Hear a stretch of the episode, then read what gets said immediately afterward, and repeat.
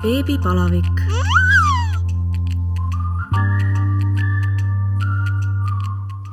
tere tulemast kuulama Õhtulehe podcasti Beebipalavik.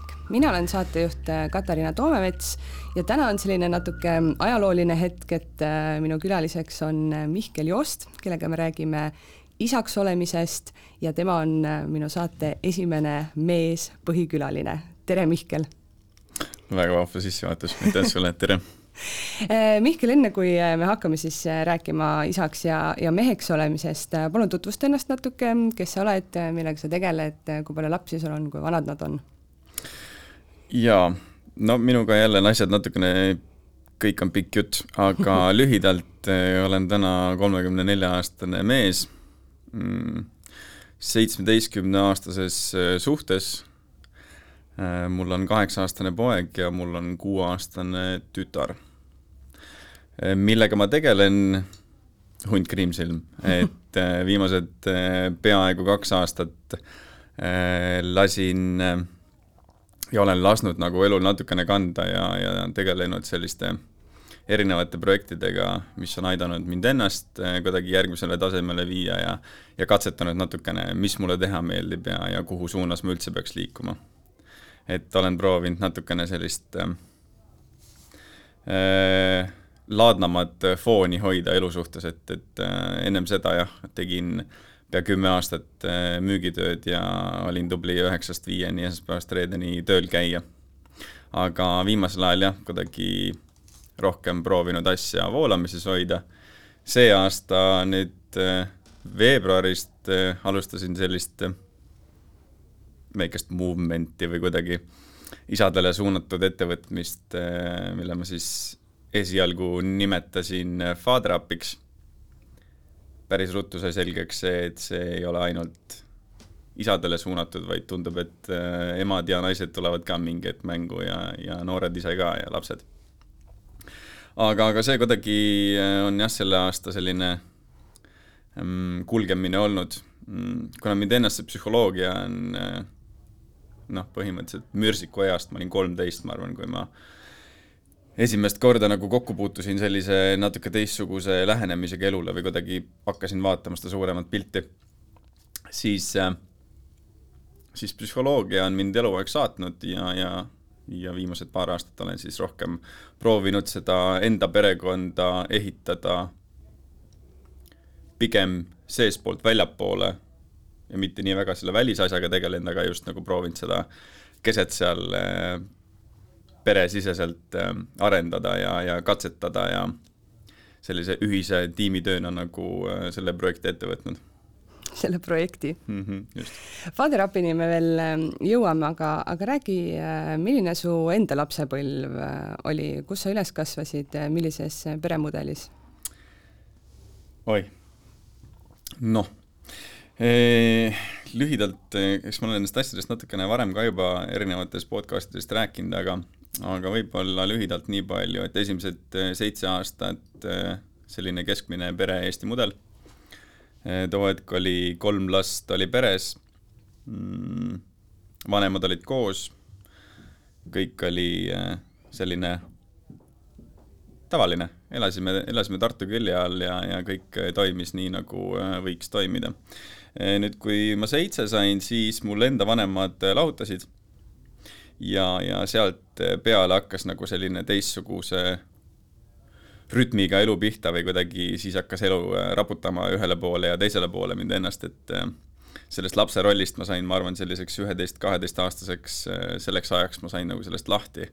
ja, ja võtsin rohkem nagu vastutust ise enda elu eest, et ma olin kaksteist, kui ma kolisin kolmetoalisse korterisse üksi ja elasin seal kuni äh, kuueteistkümneni põhimõtteliselt siis üheksanda klassi lõpuni, kus siis viis päeva nädalas ise mm, tegime omad söögid, koristasin äh, ja elasin oma elu, et, et, et see oli nagu see, see periood, mis mul too hetk oli, et äh, täna olen väga tänulik selle eest, mis ma olen nagu läbi teinud oma lapsepõlves äh, seal oli vaimset vägivalda, seal oli füüsilist vägivalda ja, ja ja ma olen täna nagu väga tänulik selle õppetunni eest, mis, mis ma too hetk nagu sain, sest noh, ma täna ei tegeleks nende teemadega ja ma kindlasti poleks täna see mees ja see isa, kui ma poleks neid asju ise läbi teinud, et, et äh, ma tean väga täpselt täna, mida ma ei taha teha. mis viib ühe kaheteistaastase lapse, pole vahet, kas ta on poiss või tüdruk, selleni, et ta kolib üksi elama? elu andis mulle sellise valiku lihtsalt too hetk, et kas ma oleks jäänud äh, kasuisa ja ema juurde, nad olid metsa sees, see oli selline huvitav koht, kus viis kilomeetrit ümberringi polnud ühtegi naabrit ega hingelist. väga ilus, väga ilus looduskoht, aga seal see elu oli jah, selline eh, nagu sõjaväes natukene, et ma ise ei ole sõjaväes käinud eh,, väideti, et ma olen füüsiliselt nagu natukene kõlbmatu too hetk, kui oli vaja minna, aga, aga ma olen nagu naernud oma, et, et tegelikult ega mul kodus endalgi oli eh, mitte jah, vaid just nii, oli päris mm -hmm. mitu aastat. et tegime kodus äh, Äh, lõhkeaineid ja viskasime granaati ja meil olid lasketiirud kodus ja, ja meil käisid erinevad äh, äh allmaailma tegelased käisid oma automaate proovimas äh, ja, ja kuulipildujäid ja, ja vintpüsse ja püstoleid ja asju, et et ma olen kuidagi selle poole elus olen juba läbi teinud ennem seda, kui see sõjaväeaeg üldse kätte jõudis, aga aga aga miks ma sinna üksi elama jõudsin lõpuks, ma arvan, on see, et, et see nagu hoidis mind hullemast. Et see, mis nagu kodus ema juures seal kasuisajaga toimus, mul oli valik, et kas ma jään sinna edasi käima, mingi hetk ma seda tegin, aga noh, see tähendas seda, et see oli niisugune üksteist kilomeetrit jalutamist päevas, et hommikul kolm kilomeetrit bussi peale ja, õhtul kaheksa tagasi, et ma natukene aega seda tegin, mingisugune aasta-poolteist. aga siis sattusin äh, sinna korterisse Palamusele ja alguses oli mul see vanaema, aga vanaema läks üsna ruttu äh, Äh, vähiga läks täis ilma ja siis ma jäin sinna ja, ja ma kuidagi tundsin ennast seal paremini kui kodus. jah, tohutu üksindustunne ja selline kõik, mis sinna juurde käib, aga, aga mul oli sees selline tugev äh, kuidagi sisemine põlemine, et ma ei läinud äh, mm, sellisele halvale teele või kuidagi ma ei kasutanud seda olukorda ära, et, et hullult katsetada nüüd, mis mm -hmm. asi see alkohol on või mis asi see suits on või, või ma ei tea, ei kutsunud kolmekümmend viit erinevat inimest endale ja korraldanud äh, mingeid suuri pidusid. et seda ma ei ole kunagi teinud. aga see oli minu jaoks selline kuidagi turvapaik ja ma just huvitav, et ma just käisin siin kuu aega tagasi, käisingi Palamusel äh, ja nägin äh, üle pika aja, ma arvan, kaheksateist aastat viimati oli sellest, nägin oma kehalise kasvatuse õpetajat ja, ja rääkisin talle ka oma loo sellise niimoodi kümne-viieteist minutiga ja tal oli väga imestunud, sest et ega see aeg keegi ei teadnud, et mm -hmm. ma mhm. üksi elasin, sest et see oleks lastekaitse teema olnud, on ju, täna võib sellest nagu rahulikult rääkida, aga aga too aeg tegelikult keegi seda ei teadnud, et, et see kutt tegelikult toimetab kakskümmend neli seitse üksi. et jah, finants ja kõik oli mul nagu isa poolt äh, saadetud, et sellega õnneks ei pidanud nagu tegelema, tööl ei pidanud käima. päris isa siis? jaa, päris isa saatis jah, aga, aga sellegipoolest äh, muu eluolu olme oli nagu mu enda kanda, jah kaheteistaastane on ikka väga laps veel. jaa. kuidas, kuidas su siis isa ja, ja ema ja kasuisa võt-, võtsid vastu selle, selle info, et sa ütlesid, et ma nüüd eh, tahangi sinna jääda üksi? tead, see ei käinudki niimoodi, et nüüd algas, et nüüd on nii.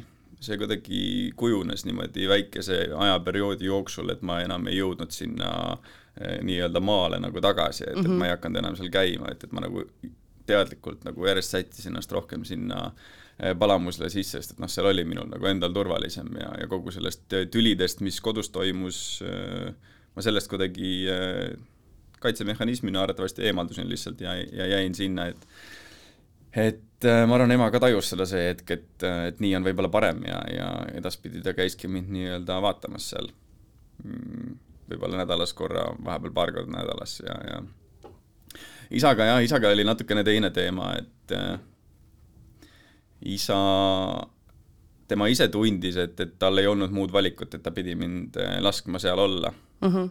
et äh, kuna ta ei tahtnud nagu minu ja ema vahele jääda ja ja, ja kuidagi sealtpoolt siis äh, mm,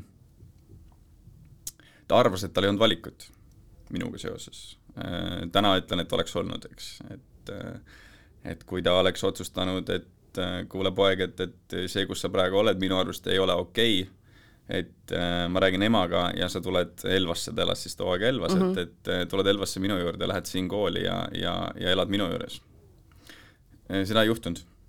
et ma arvan, kui see ei oleks juhtunud, siis ma täna ei istuks siin. et noh, ma väga sügavalt usun seda, et, et kõik asjad juhtuvad ikkagi meie jaoks siin elus, et äh, loomulikult nii noorest peast on seda kõike väga palju äh, handle ida ja võtta sisse, et, et äh, ja keegi ei osanud seda pilti see aeg kuidagi niimoodi maalida ka sulle, et, et poiss, et nagu asjad lähevad paremaks või mm, -hmm. või kuidagi kuskil on valgus. aga, aga jah, tagantjärgi vaadates on see kõik olnud nagu ikkagi pigem kingitus. sa ise ei äh, pakkunud isale seda varianti, et äh, ma tulen sinu juurde? ei osanud ma ei osanud seda sellepärast, et äh, mul oli ka väga tugev äh, kaitsepositsioon äh, ema ja kasuisa vahel, olles seal nagu, et kuna ema koges ka ikkagi sellist väga tugevat vaimset ja, ja tihtipeale ka füüsilist vägivalda, siis ka sellest lapse positsioonist ma ikkagi panin ennast vahepeal sinna täiskasvanu rolli sellega mm, -hmm. et ma kaitsesin teda lihtsalt, et kas siis verbaalselt ja, ja tuli ka ette nagu füüsiliselt, et meil käis asi nagu vahepeal äh, nagu action filmis, et äh, et kui kasuisa läks näiteks kuskile hobuste juurde talli ja neil mingi, mingi tüli oli pooleli, siis äh, meil oli põhimõtteliselt nagu kolm minutit, et äh, asjad autosse visata ja, ja minema panna, et noh, me oleme olnud ka sellises situatsioonis, kus sa sõidad selle džiibiga, panid metsa äärde minema ja siis tagant tulevad vintpüssikuulid veel järgi nagu. et, et põgenesime ära, aga, aga millegipärast ikkagi oli sellel mehel tohutu jõud äh, ema tagasi saada sinna. Et tegelikult neil oli väga ilus armastuslugu, et ma ei ole ühtegi nii kirglikku äh, suhet, armastussuhet oma elus peale seda kunagi näinud, et, et seal ka, seal ka seal olid omad õppekohad kindlasti. aga, aga jah, nagu täna rääkides neid asju, siis noh need on sellised huvitavad lood, mida täna nagu keegi väga ette ei kujuta mm. -hmm. no sa räägid, mul kulmud kogu aeg kerkivad, aga, aga sinu nägu on sellest kõigest rääkides selline rahulik mm. -hmm. Et, et sa nagu loeksid, ütleme kuskilt raamatust või ajalehest mulle midagi ette, et mitte, mitte et sa räägiksid nagu enda elust. jah, mul on see olnud kuidagi, see lugu on minuga eluaeg tegelikult kaasas käinud ja, ja ja sul on ikkagi üle kahekümne aasta olnud aega sellega tegeleda, ja, tegeleda, leppida, rahu teha, mis just, iganes. et, et keerata seda ringi, mõista seda, anda mingit rahu teha ja, ja andestada ja, ja endale andestada ja nii edasi, et ega sealt tegelikult sai korralik äh, seljakott sai kaasa võetud ikkagi äh, seda taaka, mida lahendada, et äh, selles suhtes on mul ikkagi see naine, kes mul täna minu kõrval on seitseteist aastat olnud, ega ta ei saanud päris tervet äh, kuti mm -hmm. endale sinna kõrvale viis aastat pidasid sa seal vastu, oli sul varem selliseid hetki juba, kus sa mõtlesid, et, et läheks nüüd minema ja, ja mis sind siis nagu tagasi hoidis? Minema minemist ei olnud, küll aga oli noorest peast kohti, kus ma mõtlesin, et, et äkki läheks, üldse lõpetaks selle asja ära, et, et kõnnid selle eh, köiejupiga mööda kodu, kodukrunti nagu ringi. et neid mõtteid küll oli, aga miski vedab, miski veab meid läbi, noh, me teame täna ise, et, et tegelikult need keerulised kohad elus on need, mis on need kõige kihvtimad ja kõige sügavamad õppetunnid, millest nagu välja ronida, et ja, ja kui sa oled otsustanud, et see ei ole sinu jaoks ja minul see, see otsus minu sees kogu aeg oli olemas, et ma teadsin, et, et ma olen paremat väärt, ma olen äh, inimesena nagu normaalne inimene, et mu ümber ma suudan nagu leida endale sellised inimesed, kes, kes minuga nagu seda rada käivad, et, et ja ja mul on väga palju erinevaid äh, inimesi enda kõrval olnud just nagu, kes on mulle mentoriks olnud, õpetajateks, mingisugusteks kas isafiguurideks või mingisuguseks muuks selliseks oluliseks mm, inimeseks teatud ajaperioodil olnud, et äh, ei ole kunagi midagi väga iseenesestmõistetavana võtnud, et, et ma, minu jaoks on see suhtlemine ja kontakt inimestega olnud alati esikohal. et see on see, mis on minu thing nagu, et äh, et äh, täna ei ole ka siin, et kedagi üldse nagu õpetada või see kogemusnõustamine või mm, -hmm. või üldse selline coaching või, või mingid terapeudi asjad, et ei, absoluutselt mitte. et ähm, ma jagan oma lugu lihtsalt ja, ja võib-olla mõtlengi edaspidi pigem selle peale, et kuidas neid äh, samu katkiseid noori võib-olla kuidagi julgustada, julgustada ja, ja nagu enda loo näitel kuidagi see switch neil lasta ära teha, et, et, et tegelikult on kõik võimalik. et noh, ma tean, kui sul ei ole neid inimesi ümber, kui sul on vaja seda switch'i tegelikult, keegi räägiks, on ju, seda, seda teadlikkust tegelikult sel hetkel noh, nii avalikult üldse nagu ei olnud olemas, ei koolides ega meedias ega kuskil mujal, eks. et, et võib-olla siis jah, kuidagi sealt ära kasutada seda oma kogemust, mis mina sain. kas su ema ja kasuisa on endiselt koos? Oo ei, ehm, kaks tuhat kuus või seitse, see lõppes tegelikult niimoodi, et Ehm, kasuisaga oli ka mul äh, väike õde sündis ja ema oli vist äh, jah, minu üheksanda klassi lõpp ja, ja õde oli siis neljane äkki ja ja ma mäletan väga hästi seda maikuud, kui ema tuli äh, äh, kilekotiga, kilekott oli ühes käes, õde oli teises käes ja ütles mulle, et et poja, et ma olen siin, aga ma rohkem tagasi ei lähe. ja, ja sel hetkel oli siis otsus siis vastu võetud, et, et ta rohkem ei tule tagasi, et ei lähe sinna tagasi ja siis ja siis hakkas selline, kaks aastat olime põgenemises, sellepärast et kasuisa nagu peast sõjaväelane, nagu ta oli, siis tegelikult ta kartsime lihtsalt, et ta röövib meil selle väikse õe ära lihtsalt ja, ja sellepärast me põgenesime paariks aastaks Inglismaale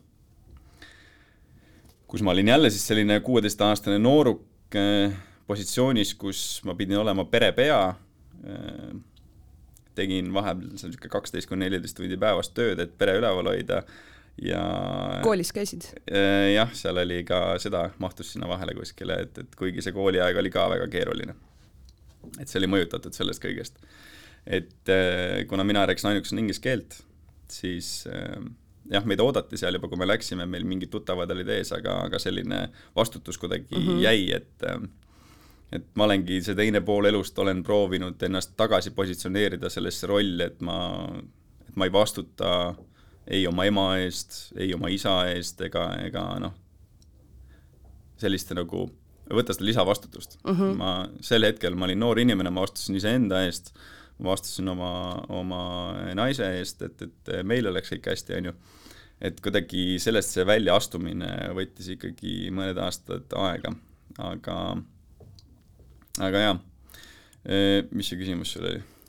Sa vahepeal juba mainisid, et, et sul sündis, sündis õde, ma küsisin sult seda, et, et kas su ema ja kasuisa on koos ja jaa, ei, kasuisa tegi enesetapu aastaid kümme tagasi äkki või, kaks tuhat kolmteist äkki see ei olnud siis, ähm, see oli ikkagi pärast seda, kui, kui te olite juba Inglismaal? see oli kuus aastat peale seda, kui äh, meie tulime tema juurest ära.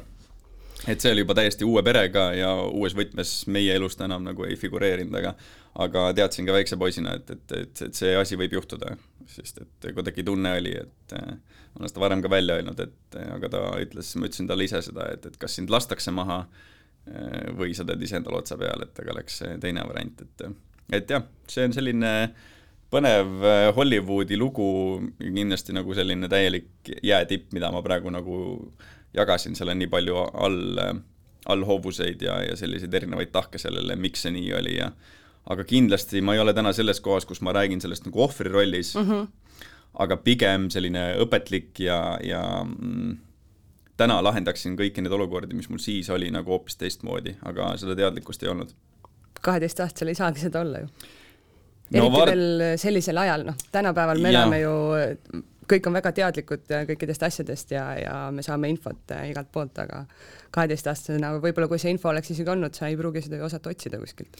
ja ega ta niimoodi ei käi jah, kui sa ikkagi metsa sees elad, et ma veel elasin seal metsa sees olles ka mitte nagu majas, vaid tegelikult sellises äh, Eh, suure sõjaväeauto plekist kuudis metsas ka sellepärast, et nagu sellest majast eemal olla lihtsalt mm, -hmm. et ka seal elasin tegelikult paar aastat niimoodi miinus kahekümne viie ja asjadega, et magasin kolme teki ja, ja, ja mütsi ja, ja jopega, et et ka see sai nagu läbi tehtud, et ega seda infot ei jõudnud, aga lihtsalt täna nagu ma tean, et need kõige katkimased inimesed või kõige kurjemad inimesed või, või kes käituvadki inimeste suunal kuidagi agressiivselt, siis need on need inimesed, kellel endal on nagu kõige valusam.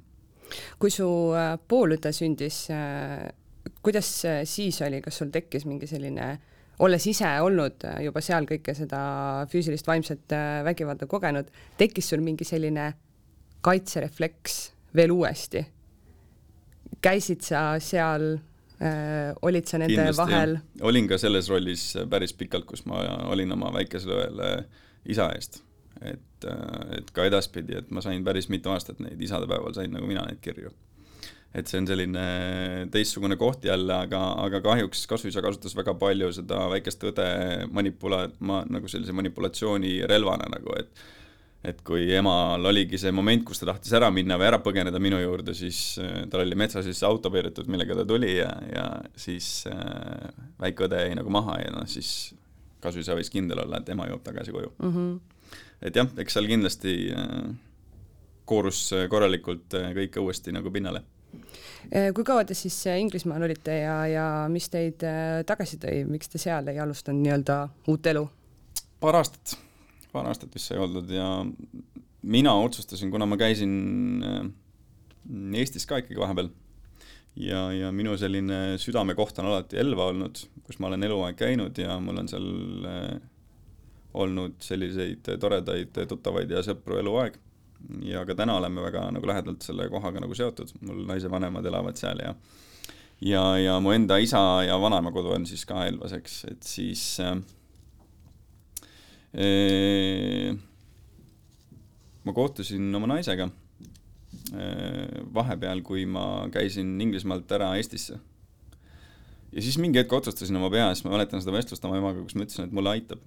Et äh, ma ei taha siin enam olla, et ja tegelikult ega ma ei nautinud seda Inglismaa äh, olustikku ka tegelikult, et noh, sellises võtmes, kus mina teda nägin, siis ta oli ikkagi selline Äh, ropp töö ja, ja mm -hmm. kuidagi äh, vale vastutuskoht minu jaoks, et noh, ma ei saanud olla see noor kindlasti, keda ma oleks nagu soovinud ja, ja kui ma nüüd oma naisega kokku sain ja see niisugune nips nagu meie vahel ära käis, selline klõps, siis otsustasin, et ma tulen tagasi. Ja ma arvan, kaks-kolm kuud läks mööda, siis ema oli tegelikult ka Inglismaalt äh, tagasi Eestis. aga jah, seal ma nagu otsustasin, et see pole minu vastutada, et ma astun sellest asjast välja Te tulite sealt tagasi, sa olid äh, ikkagi suurema osa elust äh, vastutanud äh, teiste eest, olles ise noor hakkaja noormees selles mõttes parimas eas, kus tavaliselt tehakse lollusi, käiakse tüdrukutega kinos, kus iganes, on ju, ja siis sa juba said oma naisega kokku, kas sul sellist mingit tõesti sellist nii-öelda nooruse nautimise aega ka oli või kuidas teil naisega see algus oli, kas mm -hmm. jooksid kõvasti sarvi maha seal esimesed aastad ja, ja käisite kokku lahtu, lahku või ehm. või on see periood sul vahele jäänud? väga hea küsimus mm,. tal ei olnud minuga kerge jah, selle, seal see dünaamika on see, et äh, naine on perest, kus äh,, kus ta ei pidanud kuni äh, ülikooli minemiseni ega kuskile nagu kolima vanemad koos, öised õhtusöögid, selline turvaline keskkond. skaala täiesti teine ots. täiesti otsa, no ja kuna me teame, et vastandid nagu tõmbuvad, on ju, ja siis seal noh, täna me teame väga selgelt, et see nagu oligi nagu see, et see koht, kus mina olin, see koht, kus tema oli, et me saime seal keskel kuidagi kokku, et tema hakkas minu maailma lammutama ja, ja tegelikult mina hakkasin tema maailma lammutama, et eks alguses oli ikka neid keerulisi aegu, aga meil on kuidagi selline väga kirglik suhe olnud, et kui täna seitseteist aastat koos olles, siis noh, tänaval me kõnnime käest kinni ja, ja kallistame ja, ja musitame ja suudleme, et, et see on nagu täiesti selline normaalne meie jaoks, et meil on kuidagi see säde või sihuke spark on olnud, loomulikult need ajad alguses olid nagu keerulised ja, ja enamuselt ikkagi raputan endale nagu seda tuhka pähe, et, et, et et lihtsalt ei olnud seda oskust teatud mm -hmm. emotsioonidega toime tulla või ei olnud seda kogemust ja keegi ei olnud õpetanud, kuidas nagu suhtes olla, et ma nägin nagu nii teistsugust suhet. kuigi ma teadsin sel hetkel, et see suhe, mida ma kodus nägin, see ei olnud tervislik ja see ei olnud kuidagi hea, aga sellegipoolest sa ei ole näinud seda teistsugust mm, -hmm. Siis see ongi ainus, mida sa põhimõtteliselt oskad nii-öelda. täpselt, et siis seda armukadedust ma mäletan, oli mul algusaastatel ikkagi väga palju ja ja, ja siis, kui see lõpuks äh, täiesti nipsust järsku nagu otsustasin, et kuule aitab nagu, siis niimoodi ei saa, et siis peale seda nagu kõik läks väga palju paremaks. kui kaua te siis äh, koos olite olnud, kui see klõps ära käis? ma arvan, selline kuus aastat äkki, viis-kuus aastat, jah. kuidas naine praegu sellele algusajale tagasi vaatab? Ütleb no., et ah, polnud midagi või ütleb, et olid ikka handful küll? ei, ei olin, olin ja loomulikult ütleb tema ka, et, et äh, me oleme väga palju nendest asjadest rääkinud ja, ja peegeldanud, et võib-olla see meid hoidnud ongi nii kaua koos, et äh, on olnud see suhtlus, see kommunikatsioon kodus. Et jah, mul on olnud aegu, kus ma olen äh, tõmbunud äh, isegi aastaks-paariks võib-olla natukene vaiksemaks, rohkem endasse sulgunud, tegelen kuidagi oma teemadega ja, ja aga see on minu inimtüüp, et ma täna tean, et nagu ma olen aktsepteerinud seda, et ma olengi veits teistmoodi mm, -hmm. ma ei ole see average guy lihtsalt nagu, midagi teha ei ole, et, et ja noh, ta teab seda. et mul ongi, ma käingi nagu skaala erinevates otsades, mu maailmapilt ongi laiem, ma loon seosed inimeste vahel, ma loen loen inimesi, ma panen mingeid situatsioone teistmoodi kokku, me tuleme koju, mul on hoopis teistsugused vestlused kui lihtsalt see, et kes, kellel mida oli või, või sellised nagu igapäevased materiaalsed asjad, mulle väga meeldib nagu süvitsi minna teatud asjadesse, eriti inimsuhetesse. et see mind väga paelub ja eks ta teab ka, et ega tal selline päris eh, tavaline kivipallur kodus ei ole. kuigi ma vahepeal olen äh, nagu mõelnud selle peale, et tahaks olla see heas mõttes tavaline tüüp. tuim Eesti mees. tuim, tuim tüüp, et, et kes äh, istubki võib-olla seal diivani peal ja, ja tapab neid telekakanaleid ja elab seda rahulikku elu. aga niipea, kui ma nagu olen praktiseerinud seda, et ma korraks võtaks nagu aju maha, annaks puhkust endale, siis äh, on asju, mis mind hästi ruttu sealt diivanilt uuesti püsti ajavad, et, et see pole lihtsalt mina Te olete seitseteist aastat koos olnud ja vanem laps on ähm, kaheksa, ehk siis äh, ütleme, enam-vähem kiire arvutus ütleb, et te olite selline seitse aastat olnud koos, kui te siis otsustasite, et, et võiks nüüd äh, lapsi hakata saama mm. -hmm kas teil eelnes, mõeldes nüüd sinu enda lapsepõlvele, oli teil mingi selline vestlus, et istume nüüd maha, lepime kokku, et okei okay,, me saame lapse, aga, aga lepime nüüd kokku mingid kasvatuspõhimõtted, mida me teeme, mida me ei tee või see oli lihtsalt, et vaatame, kuidas läheb? üks ühine nimetaja meil väga tugevalt on olnud, on see, et meile väga meeldivad lapsed mõlemad. et ma olen terve oma elu, äh, isegi kui me mingitel üritustel käisime või, äh, või elasime sealsamas äh, Tartus algusaegadel, siis ma isegi viie-kuueaastasena hoidsin oma naabritüdrukuid, kes olid nagu mõnekuused, on ju. et mulle väga on lapsed meeldinud ja samamoodi mu naisele ja kui meie suhe alguse sai, siis äh, mu õde sai oma äh, poja, täna nüüd juulikuus ta sai kuusteist, et ta ongi meil natukene selline nagu suhte, terve suhtevanune kutt, on ju, ja, ja ja teda nii-öelda handle ides, hoides mm, me nagu saime aru, et, et see tiim on nagu väga hea tiim. Mm. -hmm et äh, see moment nüüd, kui ma selle armukadeduse nupu äh, välja lülitasin ja, ja kuidagi hakkasin nagu normaalsemaks inimeseks, siis siis me saime aru, et, et äh, noh, hästi oluline on täna nagu vaadata, kellega sa neid lapsi tegema hakkad mm. -hmm. et see on nagu kurat ikkagi nagu väga oluline, et ja aga samas hea on, kui sa, kui sul on võimalus seda ka niimoodi jooksvalt näha mm. -hmm. et sa võid ju mõelda küll, et äh, et äh, meie oleme valmis, see inimene on valmis, see inimene on täpselt õige, aga kui sa selle lapse kätte saad, siis, äh, siis võib-olla mingid asjad ikkagi hakkavad häirima. E, ja ega laps ju käivitab mm, -hmm. ta trigerdab vanemaid ja trigerdab vanemate enda lapsepõlve hästi tugevalt ja, ja kui sa seda ei oska sellise lahtisema pilguga vaadata, siis võib see pauk päris ruttu ära käia, et aga, aga meie kokkulepe, võib-olla kõige suurem ja, ja selline kandvam kokkulepe naisega oli see, et lapsed tulevad meie juurde, meie temposse, meie oleme alati üks ja kaks, et et ei ole see, et, et laps meie vahel, kindlasti leppisime, kuna, oleme hästi liikuvad inimesed, siis leppisime selle kokku, et et me proovime võimalikult palju liikuda.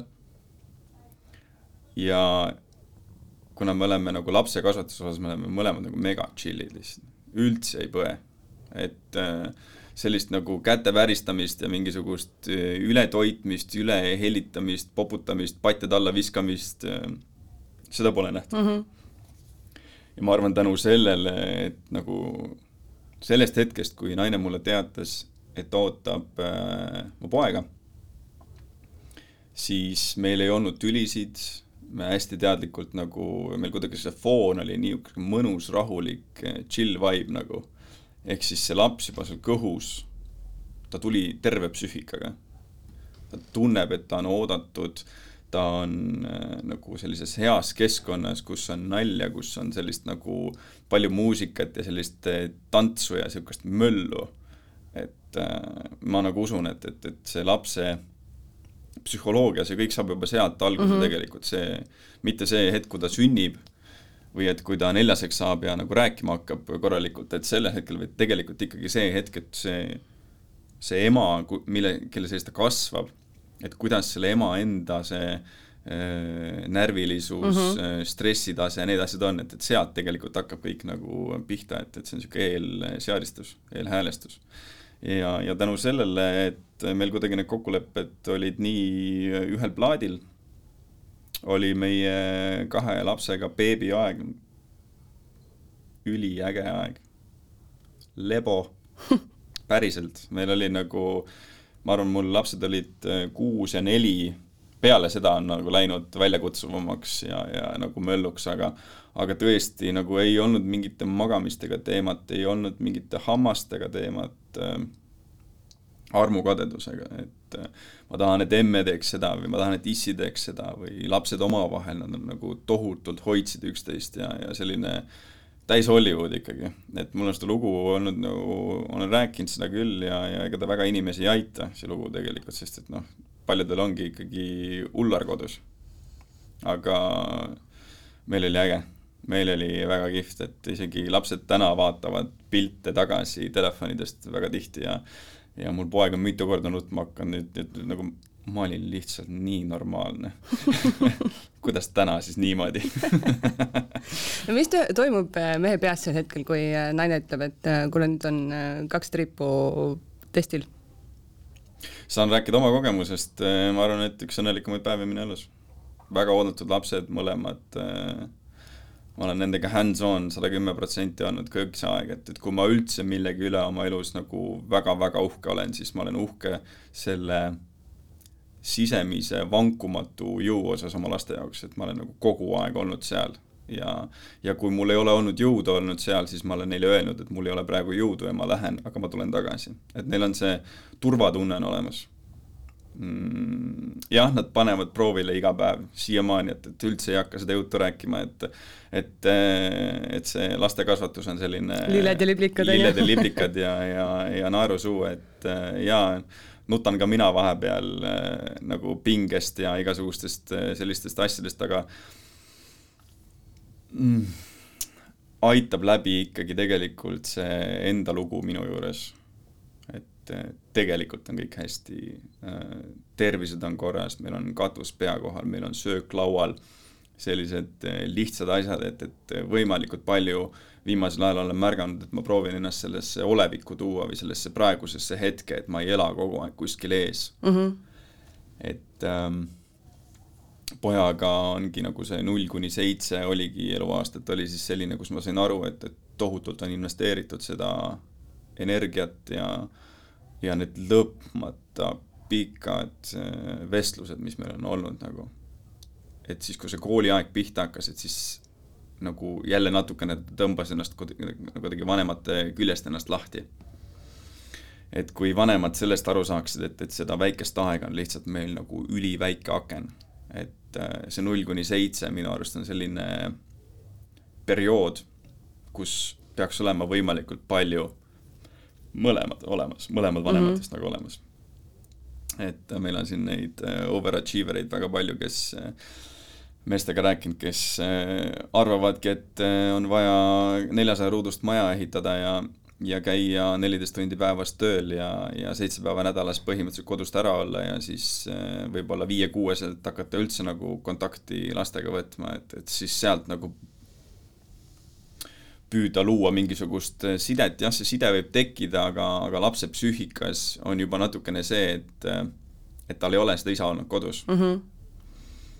Mm. sellises vanuses hakata tühja koha pealt põhimõtteliselt äh, sü sügavaid vestlusi pidama on pigem vist keeruline. see tundub naljakas juba lihtsalt, nagu seda ei ole ju olnud, et äh, mul on oma lastega nagu kõige ägedamad vestlused ongi äh, õhtuti enne magamaminekut. noh, et see on, ei ole üldse harv juhus, kui mul naine nagu ütleb, et nagu Miku, tule sealt magamistoast ära nagu. kaua te räägite lihtsalt, nagu ma istungi sinna maha ja ja nad küsivad ja, ja ma saan rääkida samadel teemadel, nagu ma täna siin sinuga vestlen. et see on nagu väga huvitav, kuidas nad on kõrvalt ikkagi korjanud üles selle maailmavaate või sellise laiema perspektiivi ja küsivad väga huvitavate kohtade peal nagu miks mm. -hmm. et äh, kust inimestel sellised käitumisasjad tulevad ja, ja miks nad nii käituvad ja, ja sellised äh, kohad on nagu väga-väga sellised äh, ülipalju tagasiandvad olnud. sa ütlesid, et äh, rasedusest teadasaamise päev oli elu kõige õnnelikum. Kas oli ka seda, et sellist nagu hirmu, et, et nüüd ma pean vastutama, kas me saame hakkama, kuidas me saame hakkama? No ma me arvan... elame ju sellises maailmas, kus äh, ikkagi üheksakümmend üheksa protsenti öeldakse, et mees on pere pea mees peab hoolitsema selle eest, et finantsid oleks mm, -hmm. põhimõtteliselt katus oleks pea kohal ja see paneb äh, ilmselt ka meestele pressure'i peale, et, äh, et nad peavadki seda tegema. jah, et, et kui sa oled äh, nagu mees või naine, kes täna seda podcast'i kuulab niimoodi, et sul on nagu kõrvaklapid kõrvas ja sa mõtled nagu laste peale, siis lihtsalt minu ainukene sõnum on lihtsalt see, et nagu usalda seda teekonda lihtsalt. et äh, ma olin kuidagi valmistunud isiklikult selleks äh, nii kaua alateadlikult ja juba nagu teadsin väga varajasest äh, eluetapist peale, milline isa ma suures plaanis olla tahan mm. -hmm. mitte, et nüüd asjad on nii, aga, aga ma teadsin, mida ma peaksin nagu pakkuma selle jaoks ja ja, ja sellepärast mul nagu null hirmu sellega seoses oli ja, ja tegelikult elasime Mustamäe kahetoalises korteris, mis ei olnud meie oma ja, ja seal oli nagu väga lõbus, väga tore oli. tassisimegi seda suurt Emmaljunga vankrit kõige suurtemate ratastega neljandale korrusele üles ja alla, on ju, mul naine on meeter viiskümmend viis pikk, on ju, kujutate ette nüüd seda kõige suuremat vankrit, on ju. Aga null virisemist. meil oli sedaanauto, ei olnud universaalauto. mõlemad lapsed on sedaanautoga üles kasvanud mitte midagi pole ta andnud, et tegelikult ei pea neid asju üldse palju olema, meil on alguses aega vaja. mul on täna väga hea meel, et ma olen, nagu otsustasin selle esimese perioodi laste elust äh, võtta selle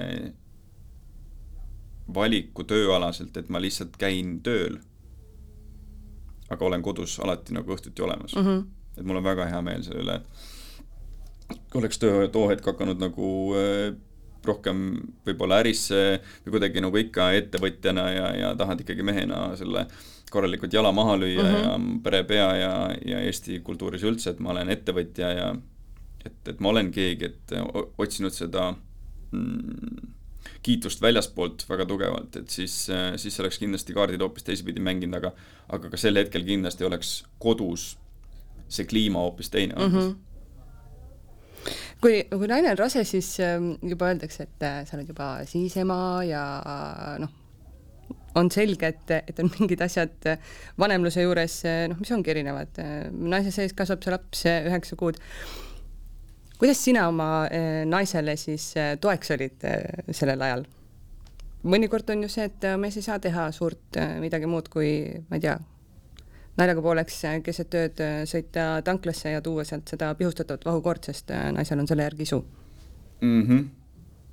jah, äh, no mis me saame meestena teha, me saame olemas olla, et õnneks mu naisel mingisuguseid väga ekstreemseid soove ei olnud, et suutis kuidagi jätkuvalt ülinormaalne inimene olla, et aga ma arvan, et see suhtlus on hästi oluline, et Eh, ilma konfliktideta proovida nagu läbi saada, et sellist mõttetut torkimist ja sellist äh, mm, arrogantset või kuidagi sellist ärapanemist või need egomängud, et need, need kuidagi peavaks, peaksid nagu jääma otsustuse kaugusele, et need, on nüüd läbi mm, -hmm. need ei ole lihtsalt, et et kui sa võtad selle, et, et sa oled noor isa ja sul on naine rase, siis hoolitse selle eest, et äh, neil kahel oleks nagu mõnus olla mõtle selle peale, kas neil on tore sinuga olla mm. -hmm.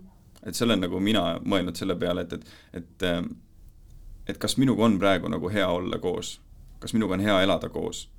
et ma tegin nagu selle poole pealt nagu kõik, et neil oleks minuga mõnus olla.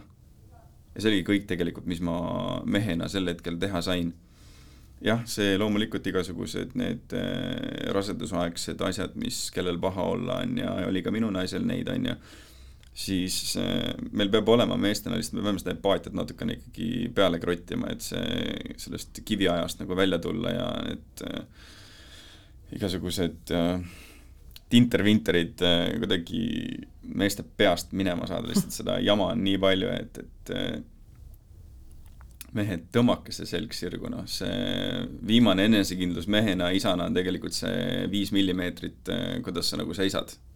Et kas sa oled see vastutuse võtnud selle isana, et sa saad isaks, et sul on roll, siis minu arust on see võti nagu seal. ja see häälestus toimubki see üheksa kuud ma enne korra mainisin või korra jõudsime ka sinna, et, et me elame sellisel ajastul, kus inimesed on hästi teadlikud, on teadlikud oma lapsepõlve siis traumadest, erinevatest asjadest, mis on lapsepõlvest kaasa tulnud ja ei häbeneta nendega tegeleda, noh siis ükskõik kuidas, kas teraapias käies lihtsalt äh, ise neid asju läbi protsessides. mis olid ähm, võib-olla need ähm, mustrid, äh, mida sina otsustasid, et, äh, et isaks saades sa murrad, et sa ei too neid kaasa see, ise lapsevanem äh, olles? kõige suurem asi, mida ma olen ka oma mm, Fatherapi kontol nagu jaganud, on tegelikult see vastutuse võtmine, et, et ma võtan isana vastutust. et ma vastutan selle lapse eest, ma vastutan selle eest, et, et mina olen tema see kindlus, see turvatunne. et äh, mu lapsed on väga füüsilised, et äh, tohutult palju kallistavad, musitavad ja äh,, ja on meie juures. aga mis on hea, on see, et, et sel hetkel, kui nad on meie juures, siis nad on meie juures. aga järgmine hetk nad võivad minna külla äh, kuskile välja mängima, nad on täiesti nagu enesekindlad iseseisvad äh, inimesed. ehk siis neil on see turvatunne, et nad teavad, et neil on kuskile nagu tagasi tulla. et see oli kuidagi see koht, mida ma enda lapsepõlves ei kogenud, et mul on see käsi, kes paneb mulle õla peale, ütleb, et kõik on hästi. et kui isegi kõik oli pekkis, siis äh, mul ei olnud mitte kordagi kätt, kes ütleb mulle, et, et asjad lähevad paremaks. et äh, hästi palju kuidagi seda olen proovinud äh, sisse tuua pereellu. et kui ongi äh, noh, kuna ma ise olen ka ikkagi tegelikult üsna lühikese süütenööriga ja, ja märkan lihtsalt asju, mis mind hullult trigerdavad kodus, mingisugused äh, sellised ütlemised või, või näiteks, kus äh, mind trigerdab selline asi, et, et kui lapsed ei ole nagu sa annad ennast täieliku maksimumi ja siis sa vaatad, et see laps, et ta ei väärtusta seda, mis talle nagu antud, et mm, -hmm. et ta mhm. kuidagi võtab seda kõike iseenesestmõistetavalt, siis see on minu jaoks hull trigger, sest ma tean, et, et kui palju ma selle jaoks olen andnud, mida ma ise pidin sel hetkel nagu läbi tegema, siis see trigerdab mind, aga see pole lastega jälle mitte midagi mm -hmm. tegelikult seotud, see on minu sisemine tunne, mille pealt ma üldse nagu käima lähen nii-öelda. Nemad ei olegi ju teist elu näinud. Et äh, vahepeal, et lastele seda päriselu võib-olla õpetada, ongi vaja mingisugused asjad maha võtta natukene, on need siis, äh, ma ei tea, jäätise ostmine, väljas käimine, mingi mängu, mängutubades või mingite erinevate aktiviteetide tegemine perega, mis nõuavad finantsi inimestele, on ju, et neid asju nagu maha võtta ja tekitada lastele nei-, selline igavuskeskkond, et neil hakkab igav mm. -hmm et alguses nad karjuvad, muidugi karjuvad, aga siis läheb mingisugune pool tundi, tund aega mööda ja vaatad, mängivad oma toas, äh, mõtlevad mänge välja ja nii edasi. et ma lähen su küsimusega jälle edasi hästi palju, aga, aga põhimõtteliselt okay. jah, et aga põhimõtteliselt ongi lihtsalt see, et äh, kuidagi äh, ära otsustada enda sees mehena, et äh, ma saan isaks. Ja see on minu vastutus täpselt samamoodi ja äh, ja naisega omavahelist dialoogi ära pidada, nagu sa ennem küsisid, et, et mis meie kokkulepped olid, siis siis kõige olulisem kokkulepe, mida ma oma kõikidele tuttavatele ja sõpradele olen nagu öelnud, kes on jõudnud aastaid tagasi meie koju just sellepärast, et vaadata, et noh, kuidas see lastega elu käib, on ju, sest me olime, mul naine oli kakskümmend viis, mina olin kakskümmend kuus too aeg, on ju, üsna vara tegelikult siis eh, noh, tulevad kaema, et noh, kuidas see lastega elu siis on, on ju. et vaatame, kas hakkame ise saama. jah, see on huvitav jah, et kuidas mingid paarid hakkasid mingi hetk nagu koju jõudma, et, et, et, et, et nagu tuleme vaatame, kuidas teil läheb siis, on ju. no meil läks väga hästi. et nagu chill oli, et äh, äge oli. ja, ja, ja siis äh, ütlesimegi seda, et, et lihtsalt võtke rahulikult ärge minge nagu leili, ärge sapsige üle, ärge Äh, mõelge mingeid situatsioone suuremaks, kui need tegelikult on. või ära mõtle ette juba neid äh, raskeks. absoluutselt ja, ja kogu endale mingisuguseid, no nagu ma ei tea, täna on white noise, äh, mingid äh, käru raputamis mingisugused seadmed, need asjad, mis käivad sinna käru külge, on ju, nagu mida te raputate neid lapsi, noh. mul olid need olemas mm. -hmm. ja mida te raputate neid lapsi, no pange need vankrisse ja siis kui sa oled ise rahulik, siis eh, on see laps ka rahulik, on ju. et eh, on vanemaid, kes siin sõitsid eh, öösiti nagu kümneid ja kümneid mm -hmm. kilomeetreid, sellepärast et lapsed nagu magama saaks, aga aga nagu see on see koht, et nagu küsi enda käest, et nagu miks see laps ei maga, et kuidas sul see endal see seis muidu on, nagu kuidas sa ise magad. et mina olen üsna kardinaalne selles osas, et nagu kõik tuleb meist. meie hoiame lastele tuba, ruumi, kodu, nende keskkonda et äh, on asju, mida me ei saa kontrollida, näiteks mingisugused sellised äh, võib-olla suuremad haigused või mingid sellised asjad, on ju, aga, aga vot see kliima, milles lapsed üles kasvavad, see on meie vastutada. Ja selles võiksid noored vanemad omavahel nagu kokku leppida et see ülemõtlemine lihtsalt ja see info, tohutu info, mis meil täna siin mm, sotsiaalmeedias ja üldse nagu liigub, see on, see tapab ära lihtsalt, sest et see ajukene ei saa üldse puhkust, ta kogu aeg ketrab ja, ja ja kuidagi paneb väga palju mõttetuid pingeid peale. ühest küljest on ähm, selline infoküllus põhimõtteliselt hea, et äh, tõesti, kui midagi juhtub, siis otsid kohe Google'ist, mis ma nüüd äh, tegema pean, noh, ma ei tea, lapsel on kolmkümmend üheksa palavik, et, äh, et mis ma nüüd teen, kas sõidan äh, kiirabiga haiglasse või, või annan rohtu, eks, aga, aga samas tõesti see info üleküllus on ka jälle täpselt selline, et sul ongi seda nii palju, et keeruline on aru saada, mis on päris, mis ei ole päris, kus, mida, mida võtta ja mida usaldada. pigem nagu otsid seda probleemi kogu aeg, et, et, et mitte ei naudi seda hetke, et kuule, praegu on nagu väga hästi sa oled terve ja mina olen terve ja, ja kuidagi inimestel see meel on nii ärev, et see meel kogu aeg otsib seda probleemi ja kui sa nüüd seda meelt ikkagi treenid järjepidevalt, siis ega me ei räägi ainult laste kasvatusest, siis me tegelikult räägime ka suurte täiskasvanud inimeste inimvahe, inimvahelistest suhetest, me räägime töösuhetest ja nii edasi, et ega see kandub igale poole, tegelikult me peame lihtsalt õppima seda oma meelt heas mõttes kontrollima aga see tahab trenni saada. sa pead nagu suutma ise rahulikult olla, iseendaga, alustame sellest nagu.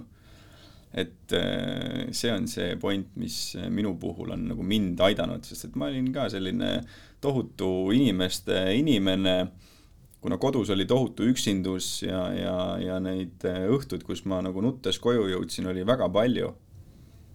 ja siis, kui ma inimeste keskele sain, siis ma ahmisin seda äh, tähelepanu ja seda armastust sealt kokku, jah, ma olin kokku, jah, lihtsalt olingi niisugune sotsiaalne kloun reaalselt nagu, sest ma ahmisin seda kokku, et võib-olla nüüd hakkama saada jälle mingi mm -hmm. hetk, kui ma üksi olen.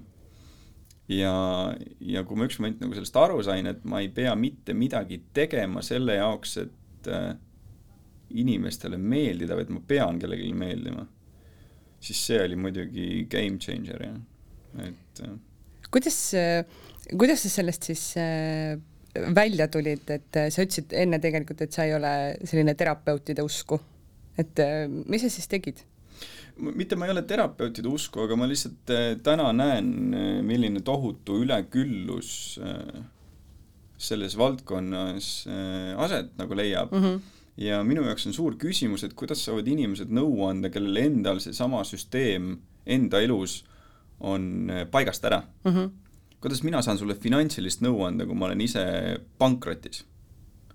et äh, inimesed, kes saavad nõu anda minu arust, kes võiksid inimestele nõu anda, siis need süsteemid endal tal peaksid olema nagu äh, korras mm. -hmm.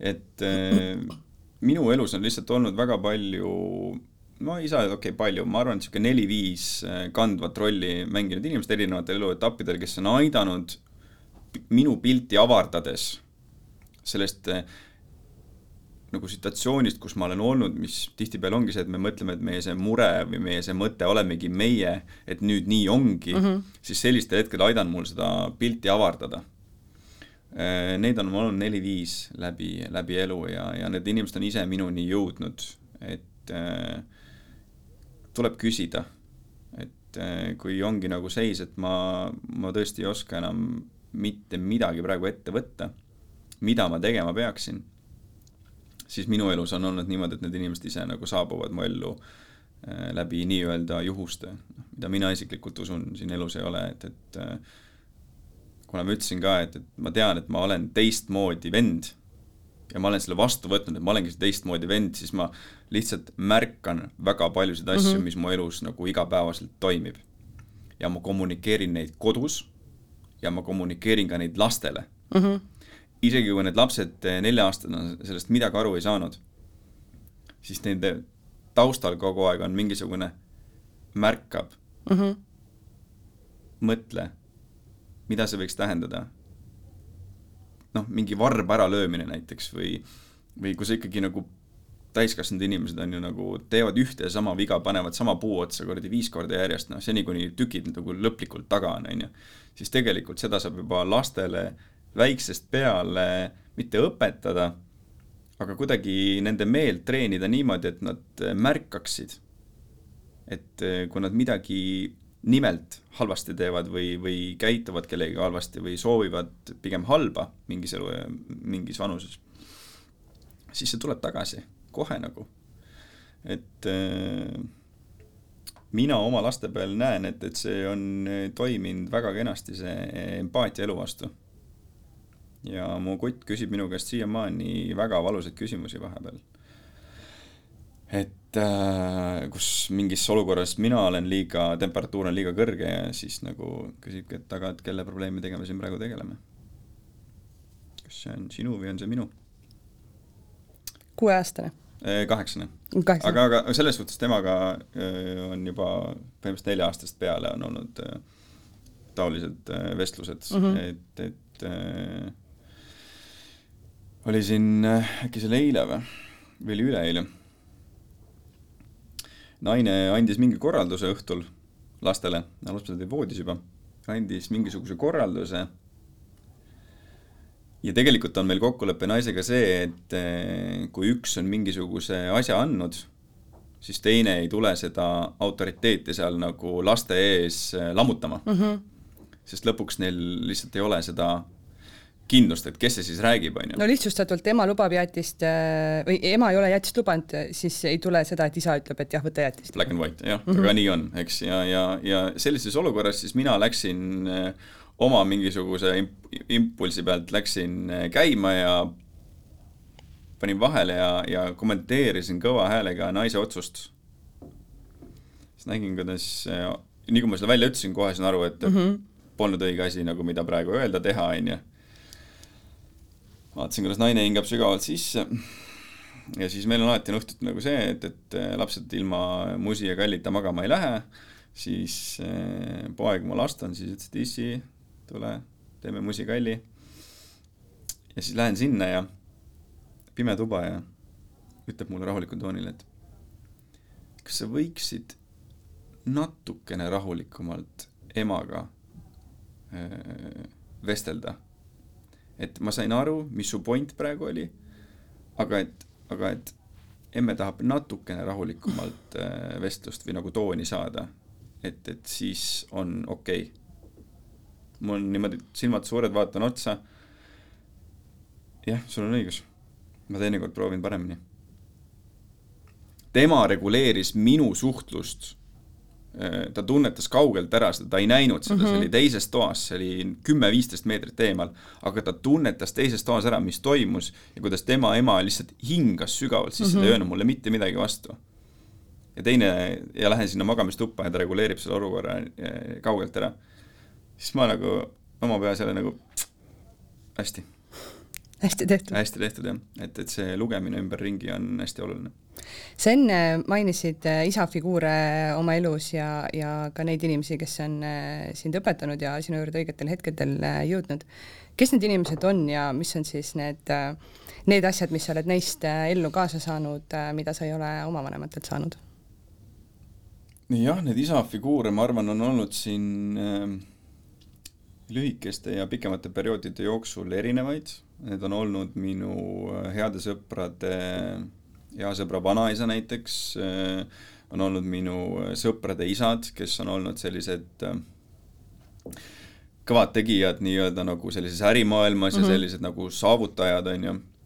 ja, ja neid on nagu erinevaid olnud, mis on mind nendel perioodidel nagu aidanud ja kelle poole ma olen saanud pöörduda mingite küsimustega et äh, kasuisa näiteks äh, oli ka mul väga tugev isa figuur ikkagi. tema õpetas mulle, et, et mees ei lohista jalgu, mees käib sirge seljaga, äh, ruumi sisenedes kõva häälega tere, lahkudes head aega, aitäh ja palun, noh, väga kindlalt need on sealt tulnud. Need on asjad, mis ma võtsin nagu kaasa ja mis on mind aidanud terve elu tegelikult inimestega kontakti saamisel samamoodi, sellepärast et esiteks inimesed teavad, kui ma ruumi sisenen ja kui ma sealt lahkun ja mul on see kontakt olemas, et okei okay., äh, siis ähm, põhimõtteliselt elementaarne viisakus, aga aga karmilt on see sulle sisse juurutatud lihtsalt? nojah, ju ma siis, ega ma olin paras tegelane ka, et, et äh, astroloogiast natuke rääkides, siis ma olen kaljukitse maadraakon, et, et niisugune äh, tuld purskav, purskav äh, kaljukits, et selline parajalt isepäine ja, ja eks ma saan täna nagu aru, et ega ma ei olekski nendest äh, elutundi, eluõppetundidest läbi muidu tulnud, kui mul poleks seda sellist äh, kangust enda sees mm -hmm. nagu olnud, on ju, et, et, et noh, kõik on omavahel seotud, et kui ma olekski võib-olla selline ülekaaluline ma ei tea, niisugune tüsedam Eesti poiss olnud, siis ma polekski läbi vedanud, et mul oli väga tugev füüsis, noh, ma kolmeteistkümneselt vedasin äh, suuri metsapalke ja tegime nagu väga rasket füüsilist tööd ja, ja sellega ma minu arust nagu panin endale selle aluse, et, et mind ei ole võimalik murda mm. -hmm. et kõik on seotud tegelikult omavahel, et, et sa saad aru, et, et sa pead lihtsalt selline olema. et ähm, jah. isafiguuridest rääkisime. isafiguuridest rääkisime ja näed, mul nende küsimustega on niimoodi, et mul läheb mõte lendu, aga isa figuurid jaa, ja, ja siis sõprade isad ongi võib-olla õpetanud sellist ähm, perepea rolli, et äh, kus pereisal on lastud olla peres see mees, kellel on teatud otsused, noh, see on muidugi väga lai teema nagu edasi minna mm, -hmm. see naiste ja meeste vaheline äh, võrdsus ja, ja see suhte tasakaal üldse, on ju, ja noh, noh, ja tegelikult see on ka seotud lastega väga tugevalt, sest et ju lapsed kasvavad jälle selles, et, et et eh, noh, me kasutame seda väljendit, kelle jalas püksid on, on ju. Mhm. aga mingid asjad on, mis peavad olema nagu mehed, kus mehed peavad pildis olema, mehed, meeste jalas peavad teatud nagu, teatud sorti püksid olema.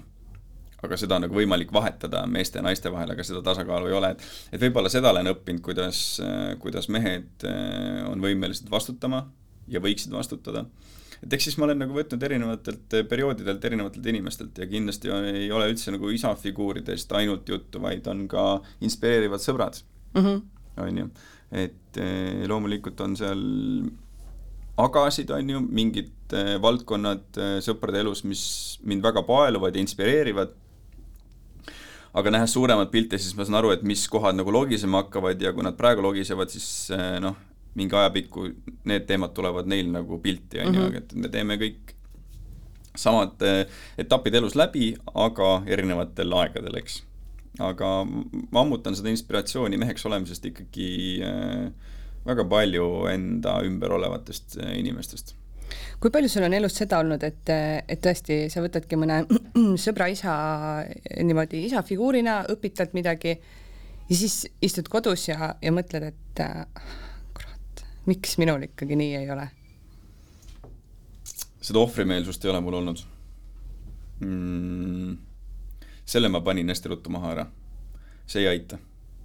et äh, jah, loomulikult vahepeal on neid momente, kus mm -hmm. ma mhm. mõtlen nagu, nagu miks mina, miks mul, on ju, ja järgmine hommik ärkad üles, et nagu kõigil on nagu põhjust taga, korjad ennast põhimõtteliselt uuesti kokku? korjan ja. uuesti kokku ennast ja, ja seda enam, kui sa oled nagu perepea ja sa oled eh, pereisa ja mees, siis seda enam eh, sisemist motivatsiooni, eh, seda sisemist põlemist nagu on, et seda uuesti teha ja kokku korjata, et kahjuks jah, neid pehmeid mehi on väga palju meil, neid emmepoegasid on väga palju meil ühiskonnas, kes veel äh, oi, see on jälle lai teema, aga no põhimõtteliselt ongi see, kus siis ähm, on äh, lahku läinud pered ja, ja see poiss ongi veel selles äh, mehe rollis.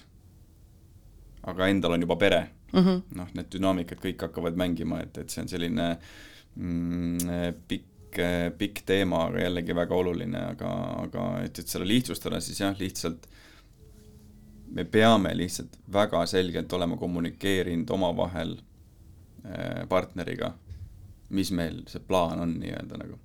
kui see plaan on, et me võtame jooksvalt, vabalt, ei mõtle üle, siis hetkedel, kus me seda teeme, on meil keegi teine kõrval, ütleb, et kuule, et nagu chill, noh.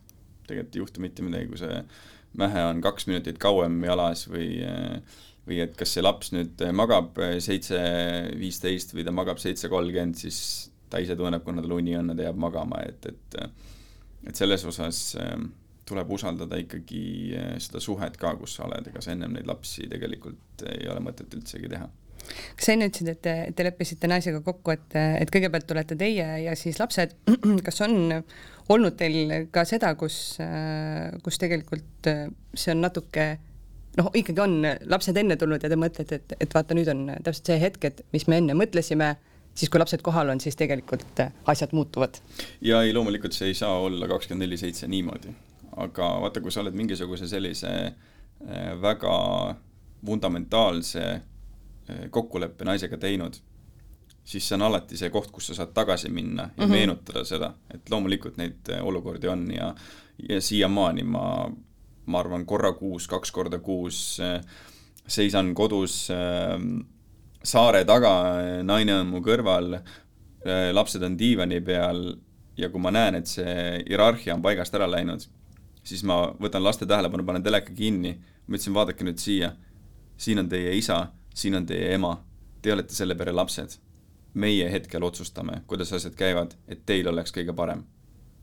et see hierarhia tuleb vahepeal nagu paika panna uuesti mm, -hmm. et, et muidu, muidu see laps on selle naise ja mehe vahel, on ju ja, ja kui me nagu sinna veel sisse läheme, siis me lõpuks nagu tekitamegi selle, et see poolteist aastat äh, alguses üldse, kus äh, naised on rohkem lastega, siis äh, nad lükkavad oma mehed eemale mm -hmm. ja mhm. siis see jääb nagu täiesti eraldi tiimid jäävad nagu mängima ja hästi on, kui sellest välja tullakse, aga aga me näeme täna, mis ühiskonnas toimub, inimesed lähevad ainult lahku nagu siin muud ei tehtagi.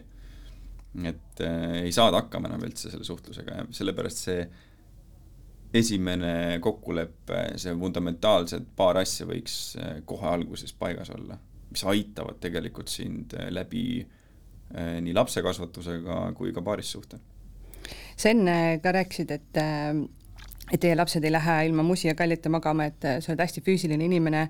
kust see tulnud on, kas see ongi sellest, et sul endal lapsepõlves jäi seda puudu ja, ja kuidagi sa võtsid selle otsuse vastu, et, et minu lastel seda ei ole või olid sa ikkagi tegelikult ka lapsepõlves võib-olla siis mitte oma vanematega, vaid noh, teiste inimestega selline? ei, ka tegelikult äh, nii palju, kui, äh, kui ma alguses, minu vanemad koos olid, mu ema on väga hoidev, äh, väga füüsiline ja ja ma arvan, ma mäletan, ma, kui ma isa juures külas käisin Elvas, ma arvan, et see oli veel kolmteist, neliteist, kus me veel nagu äh, reaalselt nagu andsime musi üksteisele mm..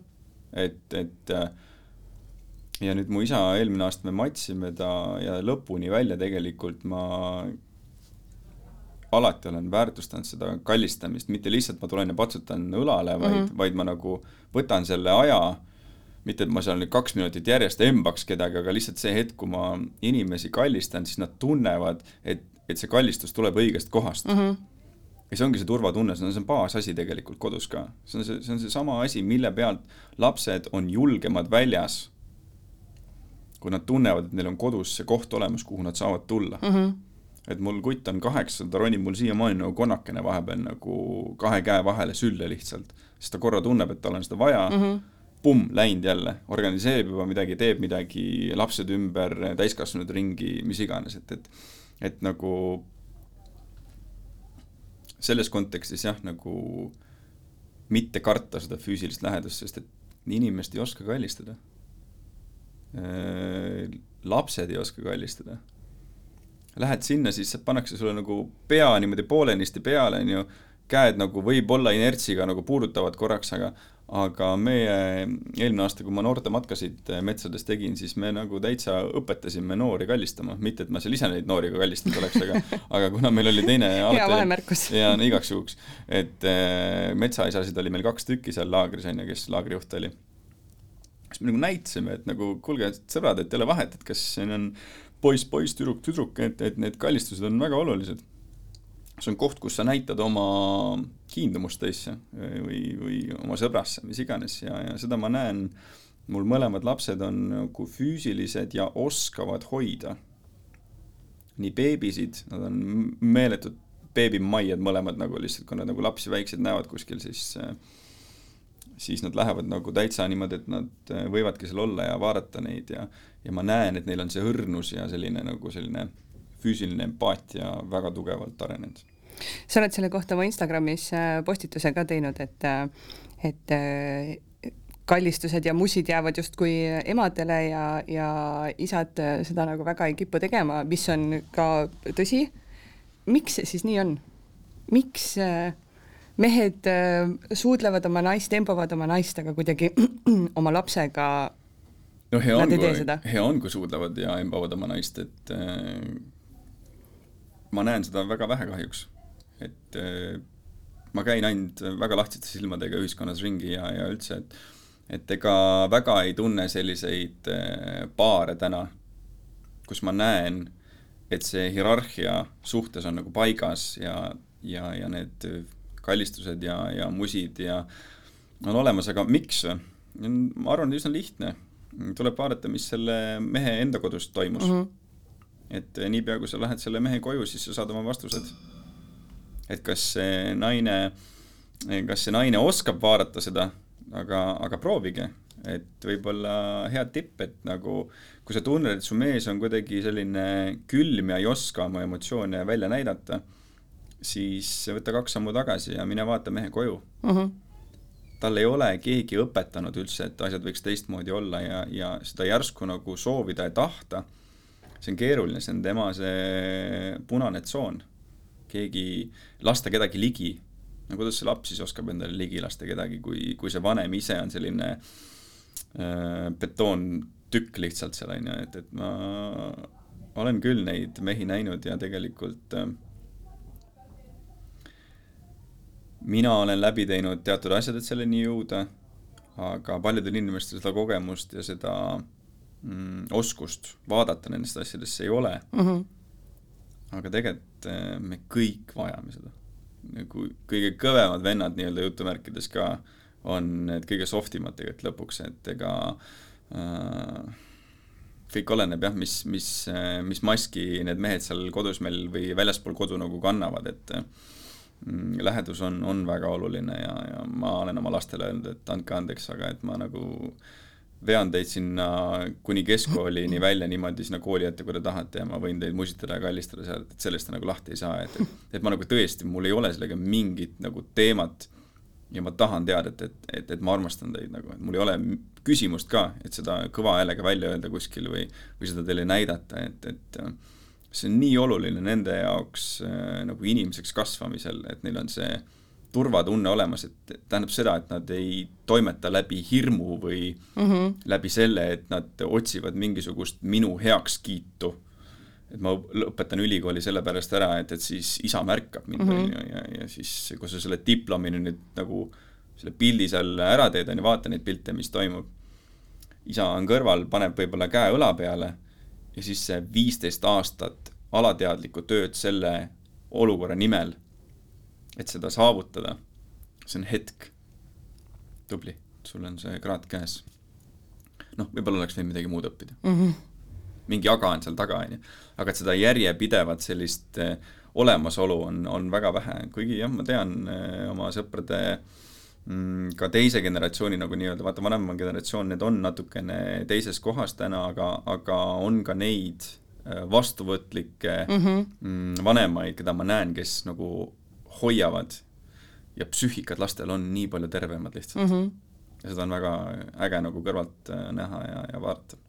no ma kujutan ette, et ähm, naised, kes sind kuulavad praegu, on äh, kõik sellised, vau, milline mees, milline isa see on ka üks asi, et äh, kui, kui naine läheb äh, oma lastega poodi või mänguväljakule, siis äh, inimesed on, et oh, noh, ema on lastega mänguväljakul.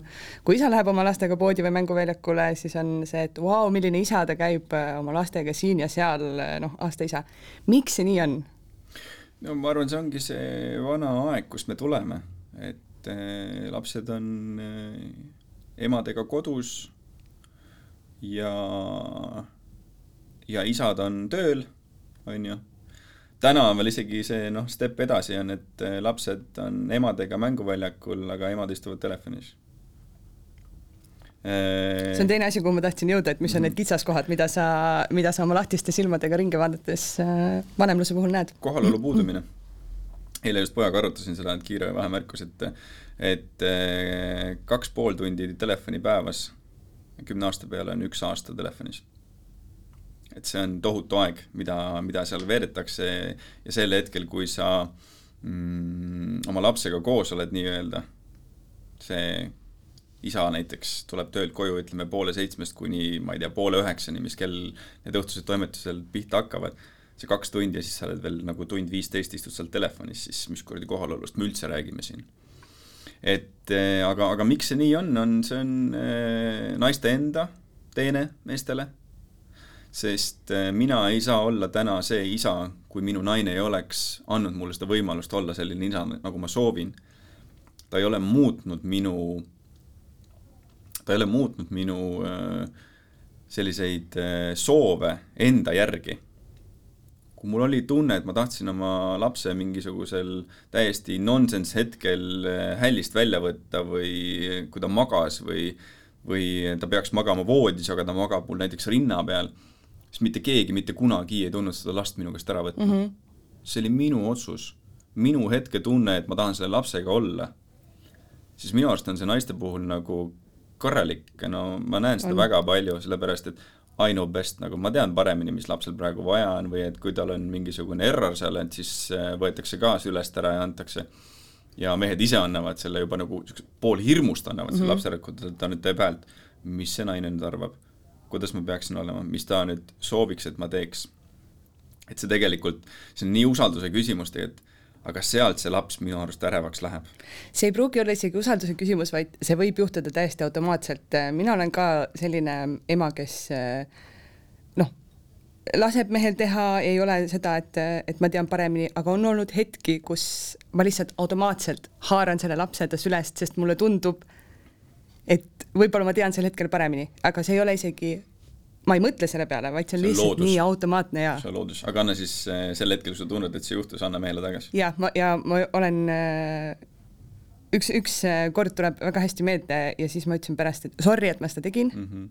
aga see lihtsalt tuli nii mm -hmm. automaatselt mm. -hmm. ja noh, järgmine kord, kui mul see tunne tuli, siis, siis mul tuli see meelde ja siis ma mõtlesin, okei okay,, ma ei tee seda mm. -hmm. et see on huvitav jah, see on, hakkame sellest eh, suhte dünaamikast pihta, et alguses on eh, mees ja naine on kahekesti. aga kui see laps sinna vahele tuleb, siis see ema nagu muutub selliseks emalõviks tihtipeale ja, ja, ja siis eh, see tasakaal perest läheb paigast ära ja see on see, millele ma ennem nagu ütlesin ka, et et on mõned fundamentaalsed mm -hmm. kokkulepped, mis on vaja teha, et see tasakaal paigast ei ära läheks, sest et kui sa isegi oled sellises kohas, et sa isegi ei märka, et see paigast ära on, aga kui palju on neid eh, noori peresid, kes eh, pooleteist aastaga, pooleteist aastaga suudavad oma kooselud eh, ära lõhkuda. sest ema alguses on jah, väga agar ja, ja energiat lapsega möllata, aga kui sul on selline laps, kes öösel ei maga ja, ja päeval ka võib-olla ei taha magada ja tal on ka gaasid ja kõik juurdekuuluv, on ju, siis sul mingi hetk saavad need patareid tühjaks. Päris kiiresti? ja, ja, ja kui see mees nüüd on lükatud sinna diivanile piltlikult öeldes, siis ja kui tal pole veel nagu mehel huvi ka, et mitte seda vastutust liiga ühele poole anda siis eh, see dünaamika seal läheb hästi ruttu paigast ära. loomulikult, alguses on see beebiaeg, me ei saa olla kogu aeg nagu äh, levelil, nagu ühel levelil mm, -hmm. aga see peab olema kommunikeeritud. nagu ülioluline, lihtsalt rääkige. On kehva öö, siis keegi teeb nagu step up korraks, sa pead nagu äh,, naine saatis ühe hea reelsi kunagi selle kohta, kus äh, abielupaar rääkis sellest, et äh, et äh, kui mees tuleb koju või naine tuleb koju, siis äh, olenevalt sellest, kuidas päev läks, ütleb, äh, mitu prossa tal täna on sajast kodus toimetada. naine ütlebki, tuleb koju, ütleb, et mul on täna kolmkümmend, siis mees teab, et temal peab olema täna seitsekümmend. Et või on vastupidi, eks mm. -hmm. et mõlemad nagunii, kui, kui sa tähele paned, siis tegelikult mõlemad kunagi korraga maas ei ole sest see on kuidagi selline juba looduse poolt paika pandud, see tasakaal, et äh, lihtsalt kuhu see ressurss suunatakse, on ju. Mhm. et äh, sina oled väsinud, mees tunneb, et tal on täna nagu äh, täiega power'it. täiega power'it ja läheb, paneb selle power'i kolm tundi trenni, käib metsas ära, tunneb ennast veel paremana pärast tagasi tulles, niisugune veel nagu relax ja nagu selline mõnus, maandatud, aga sina oled kodus ikka nagu selles kohas ja veel rohkem vahepeal miinusesse jooksnud, siis ei ole asi tasakaalus. et see, see, see see empaatia omavahel peab ka nagu paigas olema, et sa pead oskama sellega nagu mängida. ja minu puhul aitas see näiteks nii, et mina vedasin oma lapsi kaasas igal pool. diskgolfid, mul oli, lapsed olid siis mingid aastased ja, ja niimoodi, mis see diskgolfi rada on, niisugune neli-viis kilomeetrit, on ju ma võtsin ka, see, okei okay,, seal on kännud, seal on juurikad, seal on äh, puud tee peal, no ma ei tea, seni kui ma diski viskan, siis mu sõber hoiab last. ja sul on tegelikult valikuid on nii palju, sa ise topid selle lapse sinna kookonisse ja arvad, et nagu ma ei tea, vihm hakkab sadama või mis mm -hmm. iganes hakkab juhtuma. võta ta kaasa, tutvusta talle maailma, anna ta vahepeal võõra inimese kätte hoida, noh, mul, mul sõbrad on olnud nagu full hands-on minu lastega algusest peale, kui, kui neil endal veel ei olnud mm. -hmm. et eh, see nagu aitab nii mu sõpra tegelikult tema saab selle enesekindluse, kui me suuremat pilti vaatame, tema saab selle enesekindluse sellest, et ta saab lapsega hakkama, et teda aktsepteeritakse väikse lapse poolt. mis annab nagu järgmise lükke sellesse, et hai, ma, aga ma tegelikult saan hakkama sellega, et ma mm -hmm. olen võimeline võtma seda vastutust, vaata. see on nagu nii mitmel tasandil, see mäng käib, aga ma ei räägi sellest, on ju ma lihtsalt vaatan seda pulli pealt lihtsalt ja mul on väga huvitav ja ma näen, kuidas kõik selles protsessis arenevad. minul on see, et mina saan liikuda Äh, saan oma kettaid loopida. Äh, ma seda juba aastaid ei tee, aga alguses vähemalt nii oli. Äh, minu sõbrad saavad minu lastega koos olla, minu lapsed saavad olla võõraste inimestega koos, harjuda sotsiaalselt. ja mu naine on kodus kolm tundi oma aega. jumala ükskõik, mis ta sellega teeb, see on tema otsus. aga kui ma sellel hetkel nagu tõmban selle korteri ukse kinni, jätan selle jama nagu koju, siis see ei ole vastutuse võtmine. aga see peab ka nagu vastupidi käima. et äh, mul on see õnn, et ma nagu, mul lapsed isegi ütlevad vahepeal, et kurat, issand, sul on aeg metsa minna. No kuidas, kui, kuidas siis seda vastutust nagu võtta, et äh, kuidas äh, saada aru sellest, et, äh, et võib-olla ma ei ole seda piisavalt võtnud ja kuidas seda siis nagu võtma hakata? Mm -hmm. et, et kui sa oled juba äh, lapsevanem ja sa tunned, et sa ei ole seda võtnud et kuidas siis seda nagu muuta või?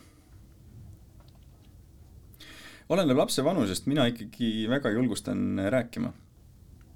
ei ole oluline, kas laps saab sõna-sõnalt aru sinust, mida sa talle räägid.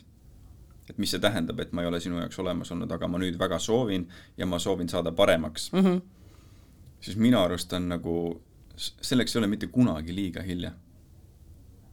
et eh, samamoodi on lahendamata mm, tülid või kuidagi konfliktid, mis jäetakse eelmisse õhtu. ja vaadatakse, et hommikul ärkab ju laps rõõmsalt üles, et, et me ei pea puudutama seda teemat mm. -hmm. noh, vanasti meile ka öeldi, et ära nagu, kui haise, ära puutu, on ju. tegelikult need olukorrad tuleb nagu läbi käia, et äh, kohe, kohe. ühtegi juhtut minul ei ole, kui mina ei ole konflikte ära lahendanud. keegi konfliktsena magama ei lähe, unustage ära. nagu laste puhul küll, et äh, veel kord, ma olen ise päris kange, siis kui ma tahan nagu vaikust, siis ma, mul nagu pilt on, häält pole. tavaliselt on see naiste puhul niimoodi, on ju. meil on peres vastupidi. naine tahaks rääkida, mina ütlen, mul on natukene aega vaja. Aga laste puhul on küll niimoodi, et need konfliktid ei kanna ennast järgmisse päeva mm. -hmm. iga päev on uus päev, uus leht. ehk siis samamoodi ka lapsevanemaks olemine on iga päev uus leht. ja lapse jaoks ei ole mitte kunagi hilja saada oma vanemaga kontakti. see on, see on esimesed aastad nagunii, äh, see on suhe, mida nad kõige rohkem siin elus soovivad, mida sul on võimalus pakkuda ja see on see vastutuse koht. sinu laps tahab sinu suhe, sinuga suhet nagu kõige rohkem elus üldse. selle suhte peale hakkab tema ehitama oma ülejäänud elu sul on oma lapsega aega koos veeta, kui su laps elab äh, seal seitsme-kaheksakümne aastani, sul on tegelikult seda intensiivset aega kümme aastat mm, -hmm. kaksteist aastat. meil ei ole aega. see on vaja nagu seal võimalikult algusest kätte saada. Kui see on mingitel põhjustel äh, libisenud üle ja on juba sinna mürsiku ikka läinud ma seal väga targutada ei saa, sest et mu enda lapsed ei ole veel sinna sellesse aega nagu jõudnud, aga, aga lihtsalt nagu enda näitel ja, ja siis mitte kunagi ei ole hilja seda piltlikult öeldes seda kätt õla peale panna. Öelda, et, et nagu mul on kahju. vaata neid noori, kes meil siin äh, täna ninad maas äh, mööda linna ringi kõnnivad. Seal ei ole seda rõõmu, seal ei ole seda äh, elujanu avastada et äh, nad ei, nad ei tunne, et neil oleks valikuid. aga seda julgustust saavad anda, see ei pea olema lapsevanem. kui mina märkan oma äh, laste sõprade hulgas, et seda kätt on tol hetkel seal vaja, ma ei pea minema sinna isa mängima mm. -hmm. ma saan julgustada. Äh, ma näen ühiskonnas mingisuguseid olukordi, kus noored kutid istuvad pingil, joovad õlut ja teevad suitsu siis ma mõtlen nagu kuradi tüübid, ma ei mõtle, on ju, ma mõtlen nagu, et miks te sellises kohas täna tunnete, et te peaksite ennast nagu hakkama sinna teele nagu harjutama. ja, ja, ja kui mul võimalus on ja aega on, siis ma olen sekkunud nendesse olukordadesse sisse. Mis sa teed siis, lähed lihtsalt äh,, istud nende õlut joovate tüüpide vahele ja küsid, et äh, poisid, mis teete siin ja miks te siin olete? piltlikult öeldes äh, jah miks te, miks te tunnete, et te võiksite seda teha või miks te peaksite seda tegema. ja isegi, kui ma ise nendesse olukordadesse sisse ei lähe, siis minu puhul need olukorrad jõuavad minuni. et äh, viimane näide nädal aega tagasi, läksin äh, rullu, rullitama ja läksin ujuma peale seda ja võtsin rullusid jalad, jalast ära. ja minu ees kaks meetrit äh, läks just üks äh, meesterahvas ja naisterahvas lahku seal mingi tüli oli, error. ma ei olnud seal olukorras sees. aga see lõppes sellega, et ma rääkisin selle tüübiga viisteist minutit juttu. lõpus küsib, sa oled täiesti võõras inimene. miks ma räägin sulle nendest asjadest? ma ei, ühegi sõbraga ka ei räägi nendest asjadest. palun anna oma kontakt, mul oleks hea meel, kui ma saaksin vahepeal kellegagi rääkida. Need olukorrad tulevad minuni lihtsalt. aga ma jällegi mõtlen selle peale, et, et kui mina olin see poiss siis ma oleks väga soovinud, kui keegi oleks võtnud selle nagu julguse või nagu selle häbitunde lasknud minna, et no mis see minu asi on mm, -hmm. mis iganes nagu. mõni toetav lause, mõni toetav lausepaar võib olla asi, mis kannab sind tegelikult väga keerulistest kohtadest nagu läbi ja ja iga väike asi nagu selles osas äh, aitab sa enne ütlesid, et kohalolu puudumine on, on väga suur probleem lapsevanematel. oled sa kunagi mänguväljakul öelnud mõnele emale või isale, et äh, kuule, pane see telefon ära, vaata, mis su laps teeb, jumala ägedat asja, ma ei tea, ehitab seal lossi, sa ei pane tähele? konkreetset asja teinud ei ole, ma olen mõelnud selle peale küll mm,. Aga, aga ma käin sellistel mänguväljakutel, mis on mul endal maja kõrval mm -hmm. jah, et, et ei taha nagu selline, ma ei taha kuidagi inimeste sellesse mm, ruumi nagu tungida, on ju et sa lähed ja kukud targutama, mingi suvaline inimene, on ju. ma küsiks selle, et kas mulle endale see meeldiks mm, -hmm. ei mhm. meeldiks, on ju, aga no okei okay,, tihtipeale on seal ka see case, et et äh, võib-olla ongi vaja mingisugust täiesti neutraalset äh, väljaspool olevat nagu väikest pitch läppi, on ju, mhm. et, et see asi nagu kohale jõuaks aga samas mine tea, võib-olla mõni isa annab sulle endale seal mm -hmm. väikse pitch läpi vastu, onju, et mida sa mölised siin. ja, ja no siis võtan ka selle vastu üldiselt, ega noh, et olukordi on nagu äh, mitmeid olnud, lihtsalt jah, väga palju erinevaid olukordi on olnud just sellega seoses, kuidas asjadele reageerida. Ja, ja näiteks võin ühe näite tuua, kuidas mul kutil oli see case, et äh, ennem seda, kui ta kooli läks, või oli see kooli alguses täitsa esimese klassi esimesed kuud vist oli, et et klassivennad leppisid kokku, et nad lähevad poodi vargile. Ja, ja ja siis tema jaoks see nagu tundus huvitav või kuidagi põnev, aga teel sinna äh, poodi ta mõtles, et kurat, see pole õige asi. ja, ja siis ta ütles seda nendele kuttidele ka. ja, aga kutid ikkagi läksid ja minu poiss jäi ainukesena nagu välja Äh, sinna poe välja nagu. ja ta tuli koju, rääkis mulle sellest. noh, alguses oligi see, et nagu vererõhk tõmbas nagu lakke, on ju, et, et meil tekkis mõte minna poodi vargile või noh, kellegi klassivennal. siis mul vererõhk nagu tõmbas üles korraks ja siis ta ütles mulle, et aga et ma tundsin, et see ei ole üldse õige, et see pole üldse minu jaoks.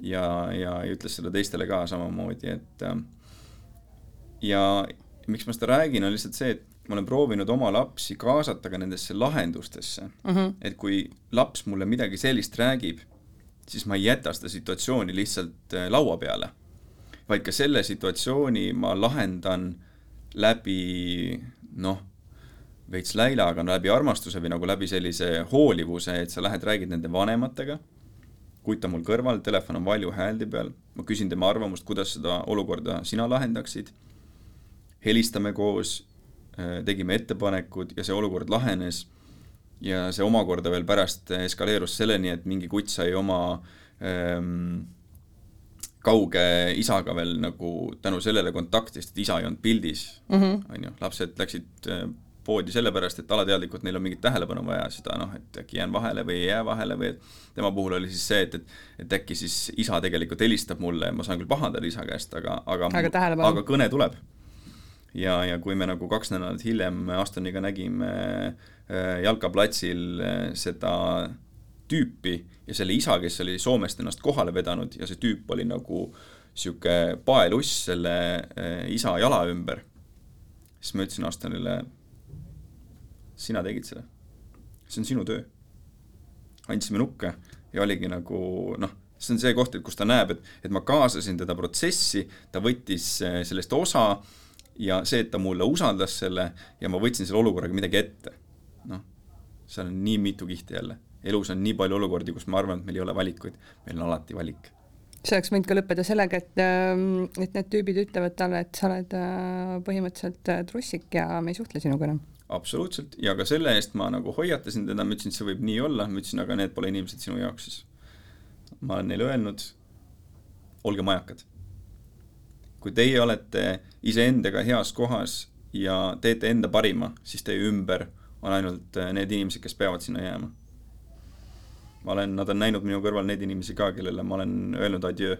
lihtsalt sellepärast, et, et, et see ei ole olnud, see suh-, suhe sõpradega ei ole olnud, et see on ühepoolne olnud mm. -hmm. et me ainult anname, aga me ei saa heas mõttes midagi vastu. siis ka sellistel hetkedel me kaasame ütleme, et praegu võtsime niisuguse otsuse vastu lihtsalt sellepärast, et, et me oleme kolm korda neile helistanud, proovinud kokku saada ja ja mille jaoks me seda teeme, on ju, et äh, oleme inimestega koos, kes tahavad ka meiega koos olla. no sel aastal sa tegid siis sellise liikumise, mida sa nimetad äh, hobiks, millega sa tegeled siis, kui aega ja, ja tunne on äh, nagu Father Up mis see on um,? no ta sündis tegelikult eelmise aasta valikute tagajärjel, et eelmine aasta, kui ma neid metsamatkasid tegin, nägin hästi palju neid Eesti koolide mürsikuid. alusta siis nendest metsamatkadest, mul on nende kohta ka küsimus. metsamatkad, kolmepäevased metsamatkad, kus terve klass, ehk siis viiendad kuni üheksandad klassid, ehk siis ütleme, ma ei tea, Saku kooli seitsmes klass, terve klass läheb kolmeks päevaks ähm, metsamatkale, kus nad siis elavad metsamajas, kus elektri lülitame välja ja kütmine kõik on nagu puudega ja, ja teeme lõkke peal koos süüa. muud meelelahutust ei ole. aga see on esimene kord, kus lapsed saavad siis klassina koos äh, eksisteerida, saavad oma konflikte luua, neid lahendada, omavahel koos olla, koostööd teha, äh, saada uusi sõpru tegelikult, sest klassisuhted tihtipeale on hästi pealiskaudsed mm. -hmm. konflikte luuakse hästi kiiresti läbi telefonide, äh, läbi sotsiaalmeediakanalite, on ju, et, et see kiusamine ja kõik, on ju, aga seal sa pead nendega ühes ruumis olema. ja seal tekib väga palju uusi suhteid ja erinevaid dünaamikat, mis seal toimub, väga huvitav minu jaoks oli see nagu väga selline muutev äh, periood, sellepärast et esimene matk, mis ma endale sain, oligi kuuend-, kuues klass äkki. ja, ja siis, kui ma sinna selle äh, bussi asjadega sõitsin, siis ma mõtlesingi, et nagu see on see aeg, kui mina hakkasin olema, kui ma kaksteist olin, et see aeg, kus minu elus nii palju muutus mm. -hmm.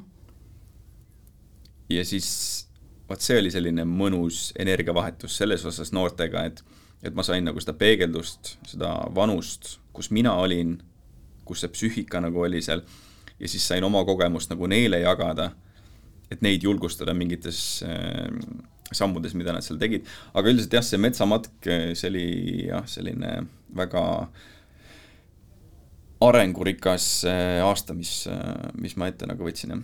ja, ja sealt pealt äh, minu jaoks kõige huvitavam oli äh, matkade järelkoosolekud, ehk siis kus me siis vanematega, kuna oli ähm, koroonaaeg oli natukene ja, ja paljusid koosolekud toimusid Zoomis, aga muidu me püüdsime ikkagi klassi ette minna ja saada lapsevanemad klassi, siis me lihtsalt äh, peegeldasime seda, mis seal matkal toimus või mida me nägime.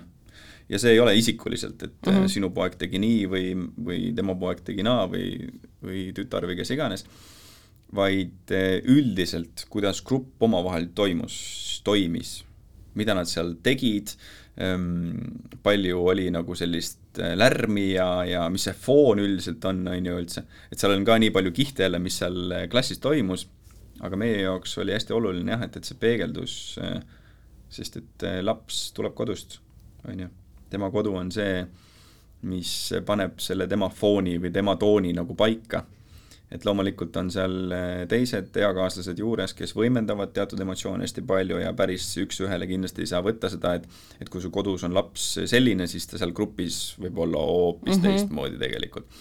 aga see oli väga põnev koht ja ja siis äh, nendel koosolekutel ma nägin, et, et nagu valdav enamus ainult istuvad emad koosolekute laua taga.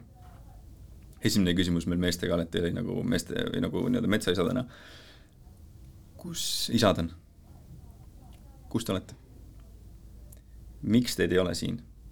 miks te arvate, et, et teid ei peaks huvitama, kuidas teie lapsel, pojal, tütrel matkal läks, et see oli nagu teada, mis suunaga see matk on, et see on oluline just nagu nende enda klassisuhete parendamisel ja nii edasi, et miks isasid ei ole, kes on trennis, kes on tööl mis iganes asjad seal olid nagu, siis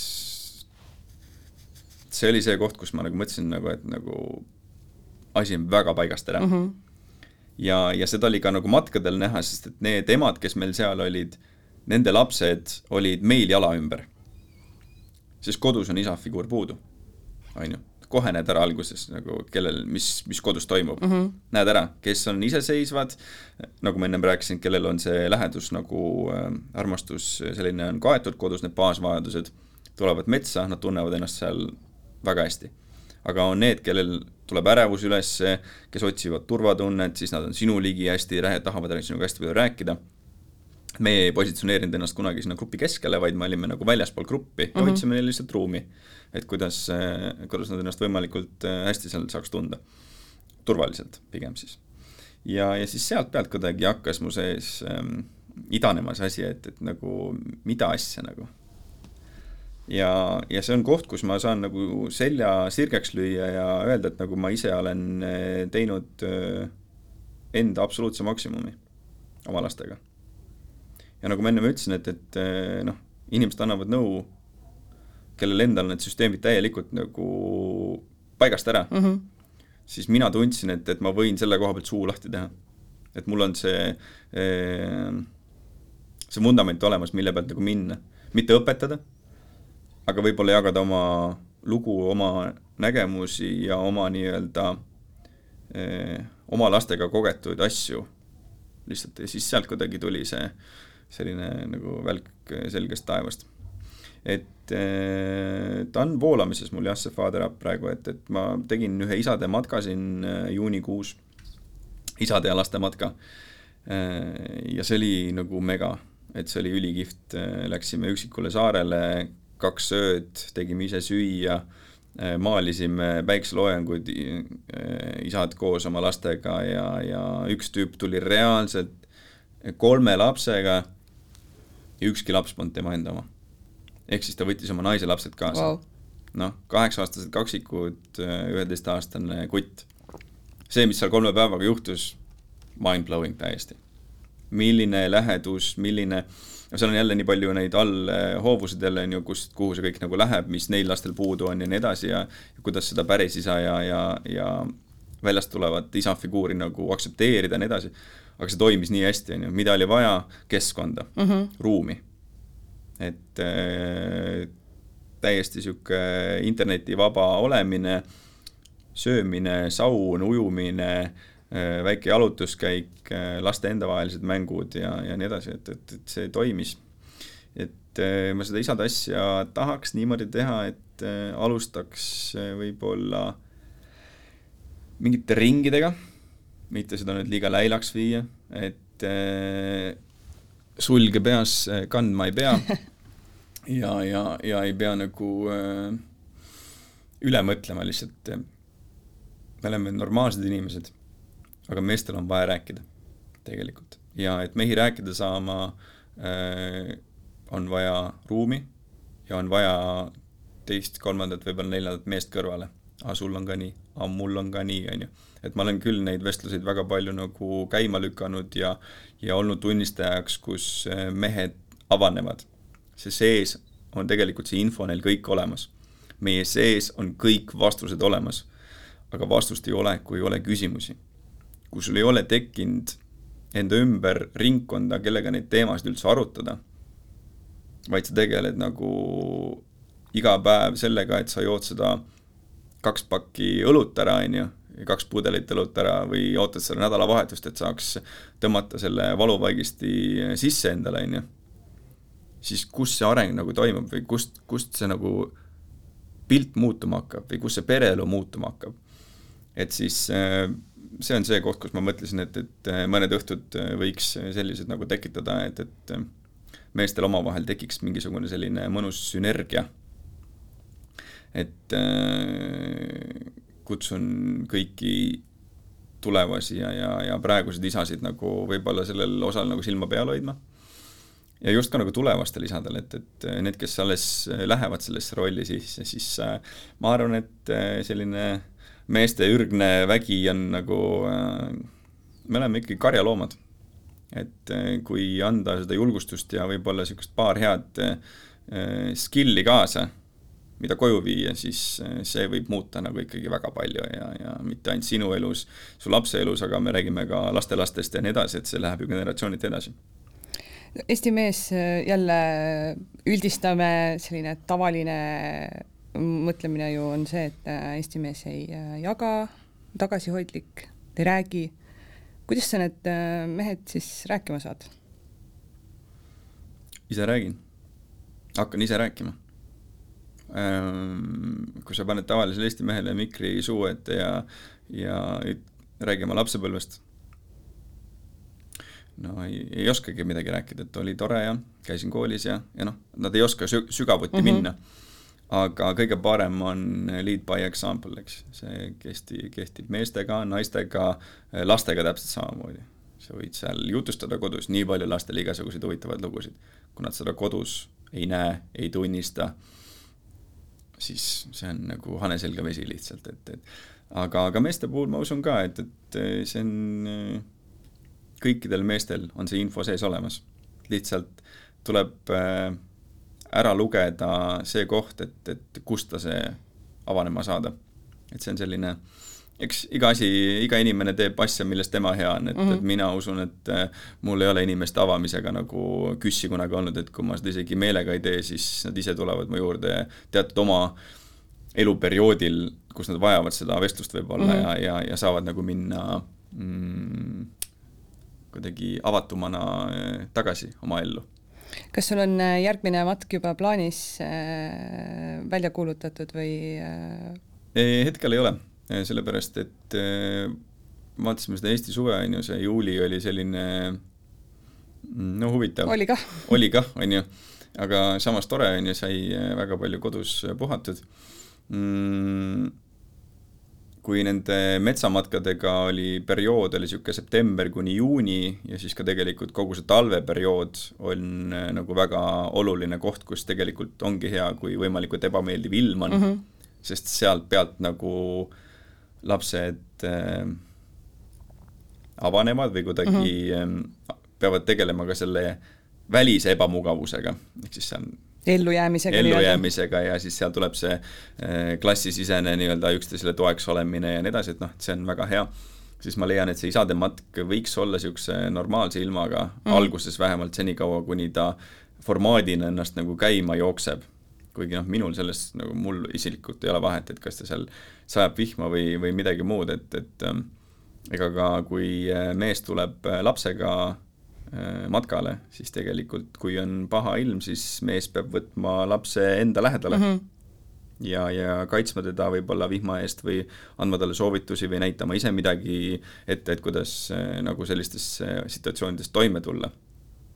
noh, et seal vaatab, kuhu see läheb. Et ma ise olen ka sellises huvitavas ajaperioodis, et et otsin natukene oma sellist uut väljakutset ja väljundit, et on mingid projektid, mis on pikemaajalised äh, tööalaselt ja minu kui enda mehe nii-öelda selline mm, teostamist vajavad mm -hmm. aspektid, et äh, ennast nagu tõsta järgmisele tasemele, nagu ma ütlesin, siis esimesed seitse aastat ma pigem olin sellises nagu safe zone'is mm -hmm. tööasjadega, siis nüüd ma tunnen, et ma olen selles kohas, kus ma pean oma, kus ma võin kodust juba minna kaugemale et mul on see vundament on nagu laotud, et mm -hmm. ma mhm. nagu tunnen, kuidas mind kodust isegi vahepeal nagu tunnen, kuidas lihtsalt lükatakse kaugemale nagu heas mõttes. et lihtsalt sellepärast, et ma nüüd saan minna nii-öelda teha mm -hmm. oma asja. et, et need projektid on siin eh, väga erinevatest valdkondadest, suures plaanis pole nagu psühholoogiaga midagi pistmist, aga kõik on samavahel ikkagi seotud, et kõik see, mis mul täna on, see teadlikkus, see suurema pildi nägemine, ma saan ettevõtmistesse need kaasa võtta, et mul on väga hea meel, et, et need täna asjad on, et aga, aga seal on ka see, et, et ma täna nagu otsin tegelikult endale niisugust igapäevast äh, väljundit, mis kohe nagu läheks niimoodi, et ma, et mul oleks endal huvitav mm, -hmm. et kus ma saaks oma tugevusi äh, mm, ära kasutada, et ma nagu sisenen uuesti tööturule, aga hoopis teisest kohast mm. -hmm. Et kui ma muidu tegin tööd sellepärast, et maksta ära oma arved ja, ja nagu pool hirmu pealt või kuidagi sellise laiskuse pealt ka, et ah, et töökoht on olemas, et las ta siis olla. et äh, asjad on ju olemas, on ju.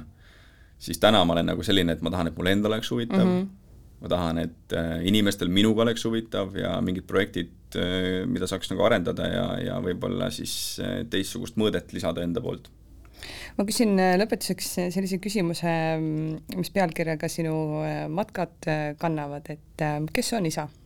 hmm.. no mul võttis kolm päeva aega, et selle matkal ära rääkida. proovin selle kahe lausega kokku võtta. isa, isa minu jaoks on selline figuur, kes on justkui Kalju, aga Kalju, kes ikkagi oskab oma emotsioone välja näidata. et ei tekiks sellist äh, iganenud mentaliteeti, et kannatama peab ja, ja mehed ei nuta ja mingid sellised asjad, et et täna, tänapäeva isa võiks olla sirge seljaga seisev mees, kes äh, suudab iseenda tegude ja sõnade eest vastutada. aga olles piisavalt haavatud, et lastele pakkuda seda armastust, soojust, füüsilist lähedust. sest kui mees suudab pakkuda lastele seda füüsilist lähedust, mis tähendab seda, et ka ta ise on ennast mingis osas nagu vastu võtnud mehena, et ka tema teab, et tema on seda vajanud, isegi kui ta seda ei ole saanud, aga ta tunneb, et ta saab seda oma lastele pakkuda. et tal on see enesekindlus nagu olemas. ja isa on ka kindlasti mõjutatud väga palju selle poolt, et kes on ema. et kui emad lasevad olla meil isad ja mehed, siis see on üks võtmevastuseid üldse nagu et naised küsige, et kas te tegelikult lasete oma meestel olla mehed ja, ja meestel olla isad. Küsige oma isa käest või selle mehe käest kas või isa käest samamoodi võib küsida. et mida nad tahavad tegelikult isana üldse nagu lastele anda või mis nende nagu pointid on, tegelikult nendest asjadest ei räägita, see kuidagi võetakse igapäevaellu sisse.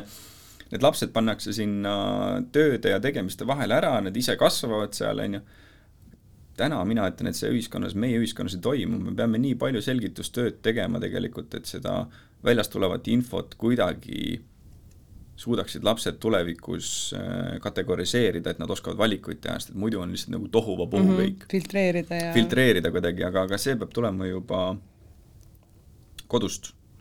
aga isaks olemise rollil on väga suur, väga suur osakaal äh, emal, naisel meie kõrval. et äh, naised ja mehed, minge dialoogi omavahel. Ja kui te mõtlete lapse saamisele, siis äh, teie mõtted ei ole teie, ärge mõelge üle. et see beebiaeg äh, on mega lahe, mega kasvatav, jah, on raske, kui te mõtlete, et laps teeb teie suhet äh, paremaks, siis think again, eks laps tuleb ikkagi teie valukohti välja näitama ja, ja, ja kui te nagu äh, sellised äh, New Yorgi hobused proovite nagu silmaklappidega sellest läbi minna, siis äh, see teil ei õnnestu. et, et siis ongi valik, et kas siis suhe paneb karjamaale või, või ise oled endaga pahuks siis, et, et lapsed tulevad õpetama. et äh, isana juhtige seda vankrit Mihkel, aitäh sulle, oli väga põnev vestlus äh, kuulata ka mm, ühe väga avatud, äh, mitte tavalise Eesti mehe mõtteid ja, ja tundeid isaks olemisest. aitäh sulle! aitäh sulle ka! aitäh kuulamast! kuula beebipalavikku üle nädala neljapäeviti Spotify'st, iTunes'ist või kust iganes oma podcast'id leiad